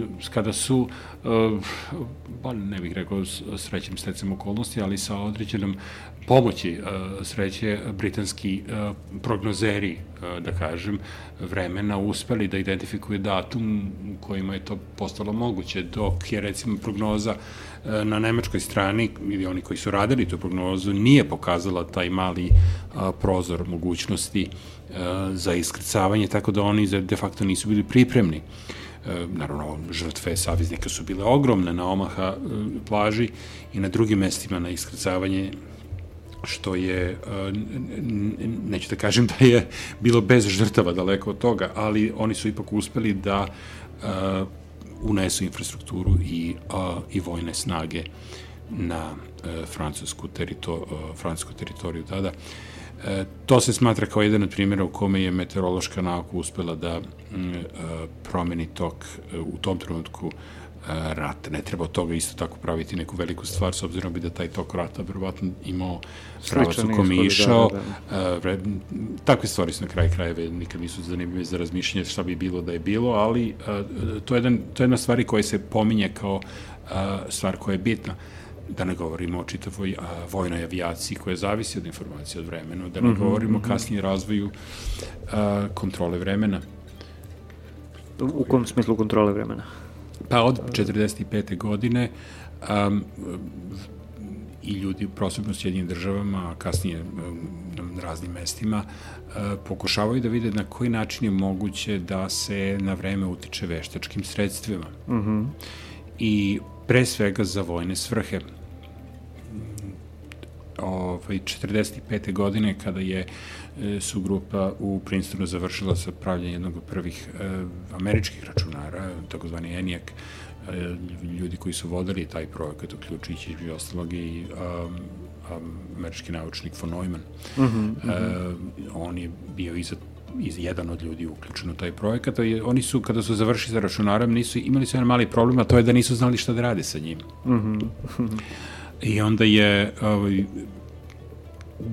došli su zaključka da, je, da treba da pokuša da reše najteži naučni problem u tom trenutku, a to je problem prognoze vremena. Razlog zašto oni to žele da urade je zbog toga što ne samo što da prognoziraju, nego i da razumeju na koji način bi oni mogli sa takvim znanjima da utiču na vreme, mm -hmm. s obzirom da je to bio, da kažem, de facto kraj drugog svetskog rata i pojava Sovjetskog saveza kao velike svetske sile i začetak, da kažem, tih kladnoratovskih zatezanja. Znači prva, prva numerička simulacija na računaru je bila upravo meteorološka da. simulacija. Oni su pokušali, da, da. ja ne znam tačno kakvi su bili rezultati, šta su, s čime su oni radili, ali to je motivacija, oni su naše opravdanje za ENIAC mm -hmm. da mhm. kažu da će raditi te stvari. Naravno, Prva, da kažem, operativna prognoza vremena se dešava u Americi 55. godine, nije bog zna šta, ali eto, urađena je automatskim e, metodom, znači bez subjektivnog efekta, jednostavno e, bilo je moguće preko kartica da se dobi rezultate koji su mogli, biti mogli isprintati i prikazati neko buduće stanje vremena. Mm -hmm. Znači, trebalo oko 10 godina se dođe do toga, ali uveđu vremenu razvoj kontrole vremena je uzeo maha, to mi je pisao prijatelj Jim Fleming u svojoj, uh, um, u svojoj knjizi Popravljanje neba i u kome je pokazao do koje mere je, je u stvari američka vlast, a onda zatim i ruska vlast uh, bila zainteresovana da vidi kako je moguće menjati. I vreme je vrlo jednostavno moguće menjati. To je mm -hmm. dosta, da kažem, naučni hemijski postupak. Uh, u hemičari američki su pronašli način bacanjem srebrojodida da stvaraju velike količine takozvanih kondenzacionih jezgara na kojima je moguće da se vrši akretizacija vodene pare i formiranje kapljica koji će ona zbog gravitacije padati u obliku kiše. Znači stvaranje kiše je prilično trivialan hemijsko termodinamički proces i može da se zlobotrebi. On se koristio u ratovima Južnoj i Koreji kada su Amerikanci sadali velike količine kiše da bi stvorili blatnjeve terene po kojima se lokalne trupe nisu mogli kredati lako, hmm. da bi oni mogli da ih, da kažem, targetuju vazdušnim napadima. To su uh, 70. godine, ne? To je 60. godine. 60. Da. godine, pa i 50. da, godine, da, da, 60. godine. Znači 60. godine uh, ogromna je obećanje kontrole vremena, uh -huh. uh, s obzirom da ga je i lako, možete da isparite oblake ako hoćete, uh -huh, a možete uh -huh. ih da ih formirate. Čak sam i ja imao u jednom trenutku konsultaciju sa ljudima u Britaniju pre otprilike 15 godina kad me BBC kontaktirao da i prokomentarišem potrebe jednog zabavnog parka uh, koji su želeli da očiste oblake za vikende da bi imali veću posjećenost i profite. Znači sad je moguće mm -hmm. raditi to na vrlo uskom, u principu, naravno da li je to isplatljivo, ne pa na kraju krajeva i rakete koje se gađaju u oblake u protivgradnoj zaštiti da, su da, da. vrsta kontrole vremena. Mm -hmm. da li su uspešni ne, o tome statistike treba pogledati, ja nisam poznan da tome kažem, ali e, to je... Da, to jeste jedna tema, mislim, to, to e, nekoliko puta sam čuo zapravo da je, da je uh, upitno da li su zapravo da. protivgradne rakete da, uspešne. Da, oni da, da. Da, to da. Je, A, kad je u pitanju Vijetnam isto postoji neka, uh, jel isto vezano za kišu ili za nešto Jeste, drugo? Pa, da. U vreme kad smo radili tu seriju, mi smo otišli u jedno malo mesto u severistočnom Vijetnamu koji se zove Dien Bien Phu, poznat po svojoj revolucionarnoj tradiciji, koji dan danas živi u tom duhu i koji, gde smo razgovarali sa uh, vojnicima čuvenog generala Džapa koji je uh, vodio lokalni nacionalni pokret otpora protiv francuskih trupa, tadašnji koji su bili okupatorske na tom delu Vjetnama. Oni su koristili svoja, kažem, znanja, da kažem, narodska znanja o vremenu, kretanja u veoma močvarnom i klizavom terenu i korišćenje različitih prirodnih um, karakteristika za skrivanje uh, kamuflažu i za napade. Mm -hmm. Tako da su ono što smo mi u tom trenutku radili u, u toj epizodi je bilo da vidimo na koji način to jedno e, narodno ili e, e folklorno znanje e, ima superiornost u odnosu na e, tehnične znanja koje su Francuzi imali, a posebno što Francuzi nisu bili e, upoznati sa mestom u kojima su se, kojim su se nalazili. Mm -hmm. Tako da smo pravili razne E, eksperimente sa instrumentima e, za ubijanje koji su koristili je vjetnamski e, vojnici i oni su mi pokazivali na koji način su mogli da praktično nestanu u šumi svojom neverovatno brzom kamuflažom i poznavanjem terena. Hm a to je bilo povezano sa time da su živeli u a, toj, da kažem, subtropskoj a, prašumi, koja je mm -hmm, definisana mm -hmm. klimatski. Znači, možete kažete da nečije znanje o prirodi zavisi od atmosferske istorije tog mesta ili klime, kako se zove, i da se e, razvoj takvog jednog mesta i civilizacija naroda, ljudi, dijete, e, kulture, oblačenja, u stvari mora povezati sa tim atmosferskim mm -hmm. Jednostavna stvar, kada ja poslije mojim studentima pitanje e, koja druga životinja na svetu mora da ima odeću da bi živela, ispostavi se da praktično mi ne poznajemo ni jednu drugu životinju na svetu koja koristi svoje manuelne ili drugačije sposobnosti da, da se kamuflira, svoje, da, da, da. pravi svoje sobstveno delo mm -hmm, i da se mm -hmm. kamuflira, jer uh, ni jedna druga životinja nema potrebe za odećem. Mm -hmm, mm -hmm. Već u, u, u samom startu uh, imaju neku vrstu kamuflaže samim tim što kamuflaže, žive. Kamuflaže, a imaju zaštitu da, krzna da, i tako dalje. Da, Duše da. danas ako krenete malo po gradu i vidite pse, vidite da se one počaju malo da se oblače, ali... Da, da, da. Uh, pa to su to da, njihova želja. domestifikovani psi, da. Tačno, to je jedna nova vrsta. Um, da. Ok, um, ajmo jednu malu pauzu da napravimo, pa bih volao da nekako zaokružimo, a imamo još nekih možda 20 minuta, 15-20 minuta do kraja, da zaokružimo sa nekim savremenim temama iz meteorologije, istorije meteorologije.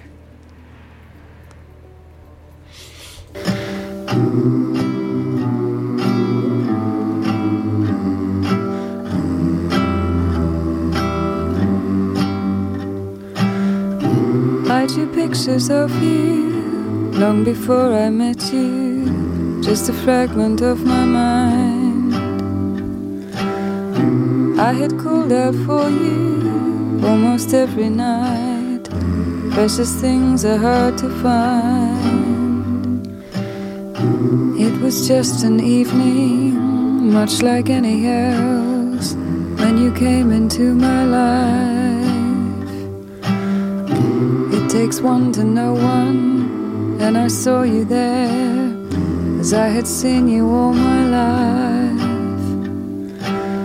I thank a God I've never met, never loved, never wanted you. I write it so I don't forget, never let it get away. I wear a picture of you just to keep you safe.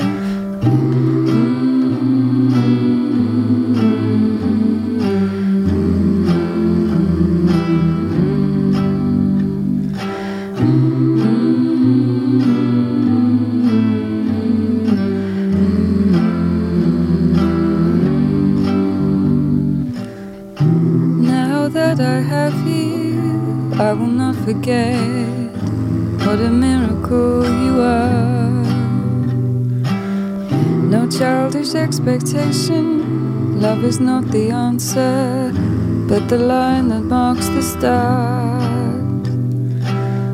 I thank a God I've never met, never loved, never wanted. I write it so I don't forget, never let it get away. I keep a picture of you just to keep you safe.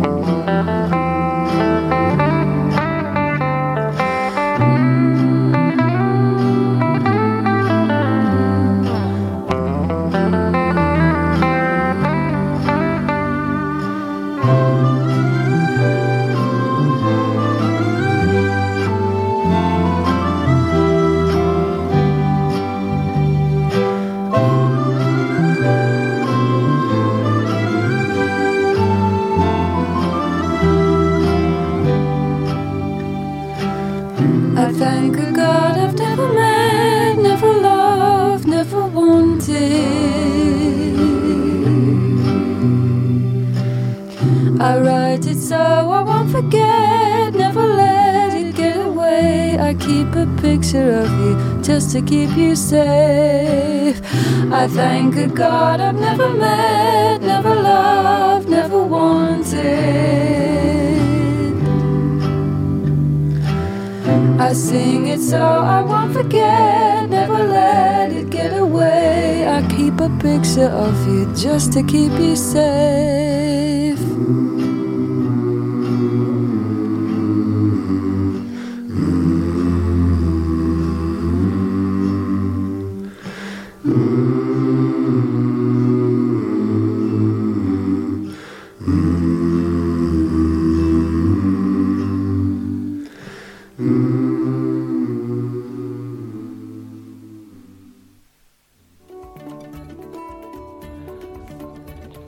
Poslednji segment ove epizode Radio Galaksije, e, nekako možemo da možda zaokružimo i sa nekim savremenim temama, to je mi danas e, svi znamo e, i da je globalno zagrevanje su klimatske pro, promene u nekako žiži svih tih, kako bi se to nazvalo, atmospheric sciences i ne samo atmospheric sciences, atmosferskih nauka i na koji način se ljudi danas bave klimatskim promenama i meteorologijom, ne u smislu um, kako mi sad, ne znam, pravimo modele, nego uh, iz uh, perspektive istoričara i mm. epistemologa, filozofa mm. nauke. Da. Pa, da, naravno, ovo što se danas zove klimatske promene ima svoju istoriju, ono ima istoriju koja seže daleko i čak i po naučnom objašnjenju već od 1896. godine švedski, švedski naučnici u Stokholmu koji rade su otkrili da povećanje koncentracije ugljenog dioksida u, u atmosferi može da um, poveća temperaturu i na taj način smanji rizik od ledenog doba. Oni su se plašili ledenog doba jer u to vreme je ledeno doba bilo strah zbog, uh, da kažem, rizika za poljoprivredu. Uh mhm. -huh. I dugo godine je poljoprivreda bio glavni razlog zbog čega su ljudi razmišljali o promenama klime. Uh, e, ona je i dalje razlog i toku 70. godina kada um, kriza u Sahelu, a takođe i velikih pod, e, podbačaja prinosa i u Sovjetskom savezu i u Americi, hrana postanja je a, oruđe a, geopolitičkog takmičenja u hladnom ratu. Mm -hmm. znači, hrana i klima su uvek bile povezane direktno, što i mi ovde svakodnevno možemo da vidimo i dan danas na televiziji.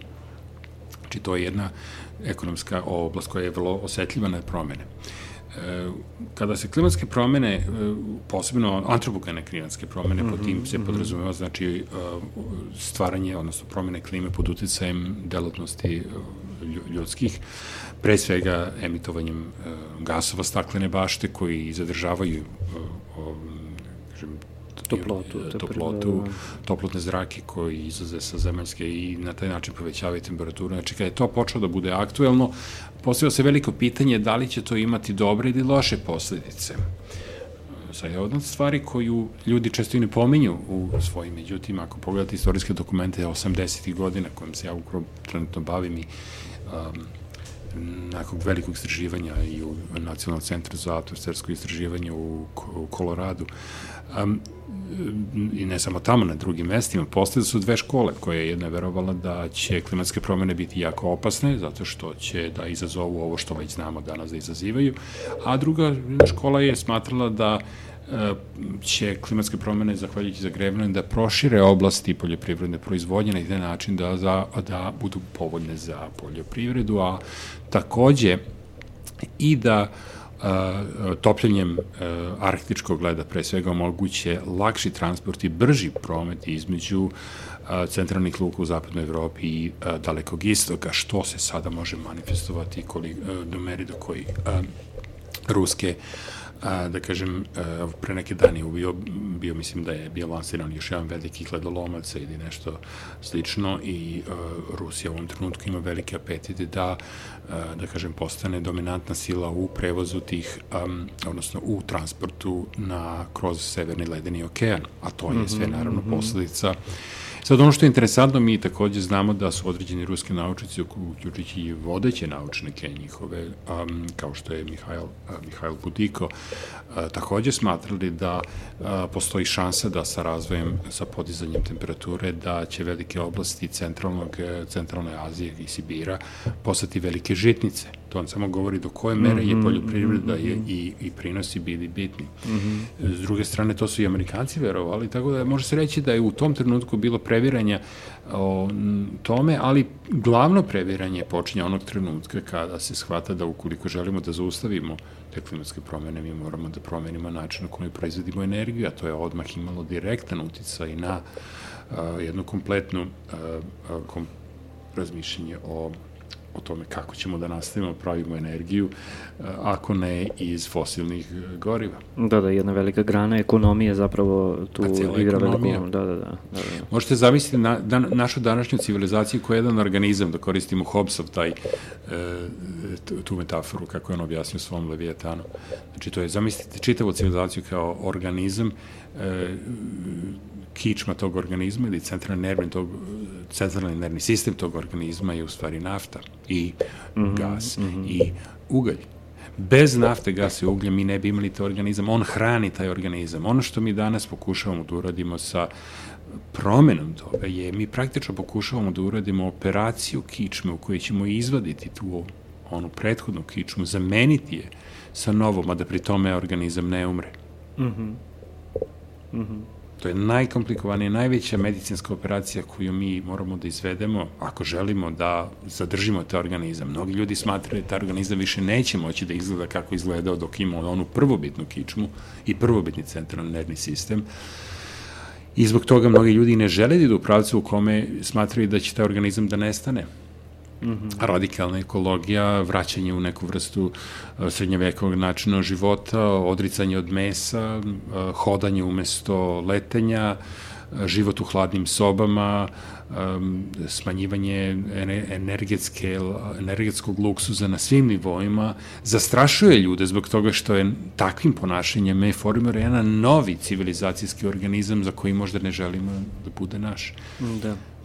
Pa i ako pogledamo, recimo, e, sad, sad se ja vraćam i referišem i na onu futuristiku, ali ne bih se libio ni da odem i dalje, da odem i u naučnu fantastiku e, i u e, celu priču o sad različitim vrstama naprednih civilizacija, onim Kardaševim skalama i tako dalje, mi de facto ako želimo da budemo na neki način uspešna multiplanetarna civilizacija, mi moramo da nekako uh, naučimo da konzumiramo toliku količinu energije, naravno, a, a da pritom ne narušimo ekosistem a, u, u smislu a, opstanka vrste. I a, načine nije da se vratimo u, u preciviliza, pretehnološko ili, ili neko, a, ne znam kako, ne znam kako to da objasnim, slabo tehnološko, pa da, slabo tehnološko doba, nego moramo da naučimo da, da zapravo koristimo tehnologiju da bismo unapredili tehnologiju. Uh, ja se slažem, naravno, mislim, možete gledati na dva načina ovaj problem, na tehnički način, kako da nastavimo da radimo što radimo sa nekom zamenom, znači ta a, operacija koju sam govorio. A možete da kažete da možda sa neke radikalne ekološke tačke gledišta prisustvo ljudske vrste na zemlji nije poželjno. Da, da, da, ako gledamo sad u kontekstu celog da, ono sistema. I moguće da možda bi bilo u stvari na neki način u interesu ovaj, da. zemlje da ljudska vrsta na neki način polako smanji svoje prisustvo, bilo izumiranjem, bilo samo uništavanjem i bilo mm -hmm, nesposobnošću da se prilagodi. Da, da, da. Paraziti na, na ovaj gaj Da. Mada s druge strane čovjek poslija pitanje, mi nismo u stvari ništa drugo sem prirode. Mojim studentima posljedam pitanje zašto mi uh, ko, pravimo kontrast između čoveka i prirode, zar nije čovjek prirodna stvar? Pa da. Zar mi nismo isto deo te prirode? Pa da. Da, da, da. Imam pravo na to. Da, da, da. Tako da je u stvari na neki način dosta je šokantno pitanje uh, ekološke etike. Da li mi imamo mm -hmm, pravo da mhm. uništavamo? Mm -hmm to pitanje može se rodi samo u trenucima kada mi sebe izolujemo od prirode i smatramo sebe da smo iznad, što je jedna vrsta određene arogancije. I onda je se ta stvar zatvara kao neki uroboros. Ali s tehničke strane gledišta, nešto što se desilo u zadnjih da kažemo od 1920. 30 godina, posebno za 2006. 37. godine, mi smo u posjedu znanja a, kako funkcioniše atom i kako funkcioniše jezgra, koji je nam, mhm, možda se mhm. reći, je možda naj um, prometejski e, događaj u istoriji uh, homo sapiens, odnosno ove vrste, da je jedna biološka vrsta uspela da razume um, oslobađanje um, energije iz mrtve materije. Mm -hmm. Znači, stvaranje energije iz mrtve materije je ono što je jedinstveno za uh, ovu biološku vrstu. I možda bi trebalo razmisliti uh, da se to saznanje uh, primeni u tehničkom rešavanju problema mm -hmm. klime. A da, između ostalog, upravo to se nalazi na jednoj od ovih zlatnih ploča Voyagerovih, a to je da, da, da pokažemo vanzemaljcima da smo došli do toga da znamo ovaj, strukturu atoma. Da. To je jedno zanimljivo pitanje. Uh, mislim, ja, ja sam, ja lično, mada sa uh, vrlo ograničenom količinom informacija, smatram da uh, prelazak na, odnosno razmišljanje o, o sistematskom korišćenju nuklearne energije um, je verovatno um, bolje i sigurnije i, i dugoročnije rešenje u odnosu na druge uh, stvari mm -hmm. koje se pominju danas. Pa Francuska i Britanija zapravo dosta intenzivno rade na tome. Tu da. su sad i onaj ITER projekat i da. ne znam, u Britaniji je Naravno. pre nekoliko meseci zapravo prvi test bio sa... Da.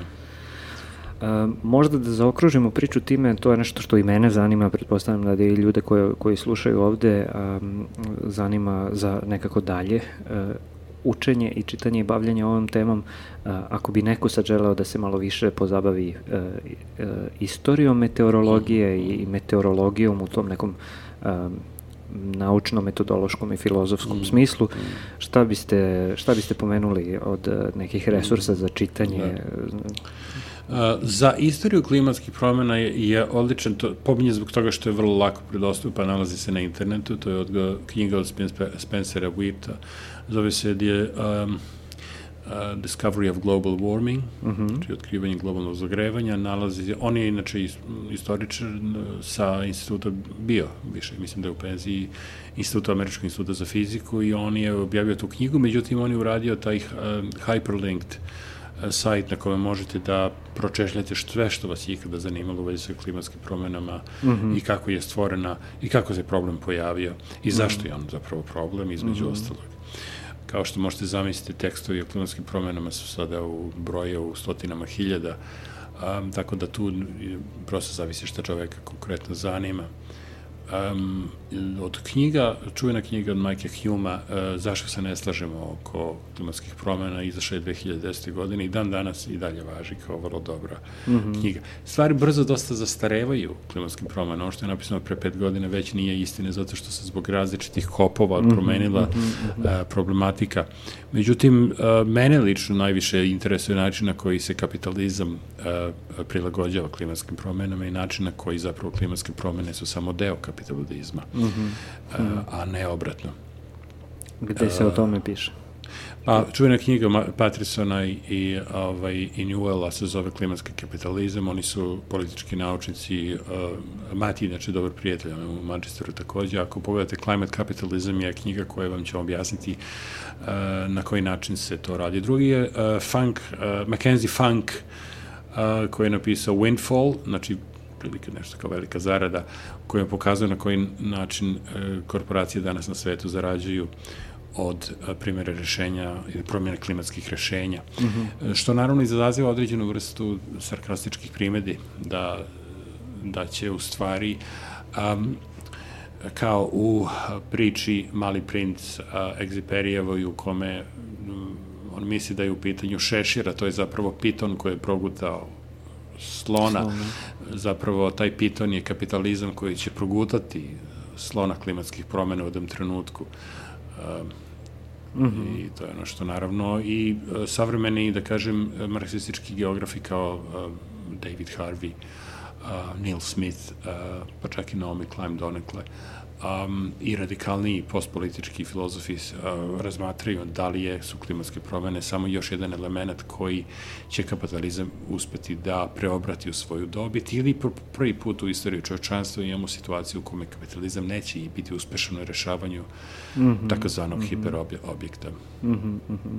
A kad su u pitanju ove neke malo, da kažemo, fundamentalnije stvari, a to je na koji način se uh, istorija nauke bavi meteorologijom, e, jel postoje štiva Što tiče istorije meteorologije, naravno, tu uh, moja knjiga je, da kažem, uvek bila popularna među ljudima koji me je zanimala taj anglosaksonski uh, period, je takozvanje čitanje neba, ali na mhm, engleskom je mm -hmm. objavljena davno, onda druga moja knjiga Ne postoji prevod na srpski, to je... Ne, pro, e, prevod e, na srpski ne, postoji druga knjiga koja se zove uh, Konfrontiranje s klimom, a to je mm -hmm. uh, poreklo, da kažem, medicinske meteorologije, medicinske klimatologije, odnose između zdravlja i, i vremena koje sam ja gledao zašto se dogodilo i kako.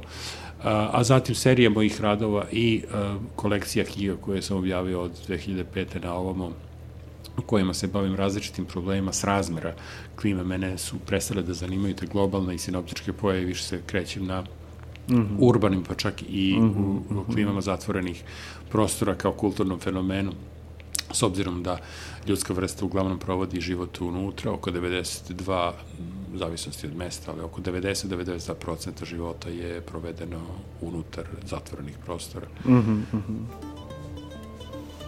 Da.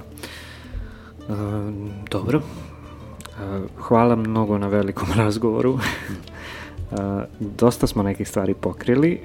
Mislim da nismo previše ušli u detalje, tako da ima prostora i za ljude koji su slušali epizodu da malo dalje istražuju. Naveli smo dosta ovih nekih knjige, to mi je drago što smo pomenuli na kraju. U opisu epizode ću ja staviti sve ove linkove, mm. tako da ako vas zanima možete dalje da čitate. A, a nadam se da ste, sad se obraćam slušalcima, a, nadam se da ste zapravo a, dosta nekako novih pitanja otvorili meni, meni bar jesu. I onako sad ima uh, 50 tema za koje pretpostavljam da postoji posebno ono odvojena cela priča i za koje mo može da se da se čita i traži i iz perspektive sad ne znam razvoja tehnologije ili istorije ili kulturološke ili političke i toliko nekako vezanih stvari uh, i jako mi je drago što smo mogli da pričamo baš na taj način o ovoj temi zato što ovo jeste dobar primer zapravo tog interdisciplinarnog multidisciplinarnog pristupa uh, bavljenju nekim problemom, uh, pa sad bio to mali problem poput, ne znam, analize toga na koji način je dan D bio takav kakav je bio ili širi problem kao što je istraživanje meteorologije. Dušan, hvala vam mnogo na ovaj pozivu da učestvujem u ovoj izvanrednoj emisiji o ovom fantastičnom ambijentu ovde i da. uvek ću se rado odazvati da dalje širimo ovaj, probleme i komplikujemo stvari. A, to je to, hvala svima na slušanju, čujemo se sledećeg utrka sa novom epizodama.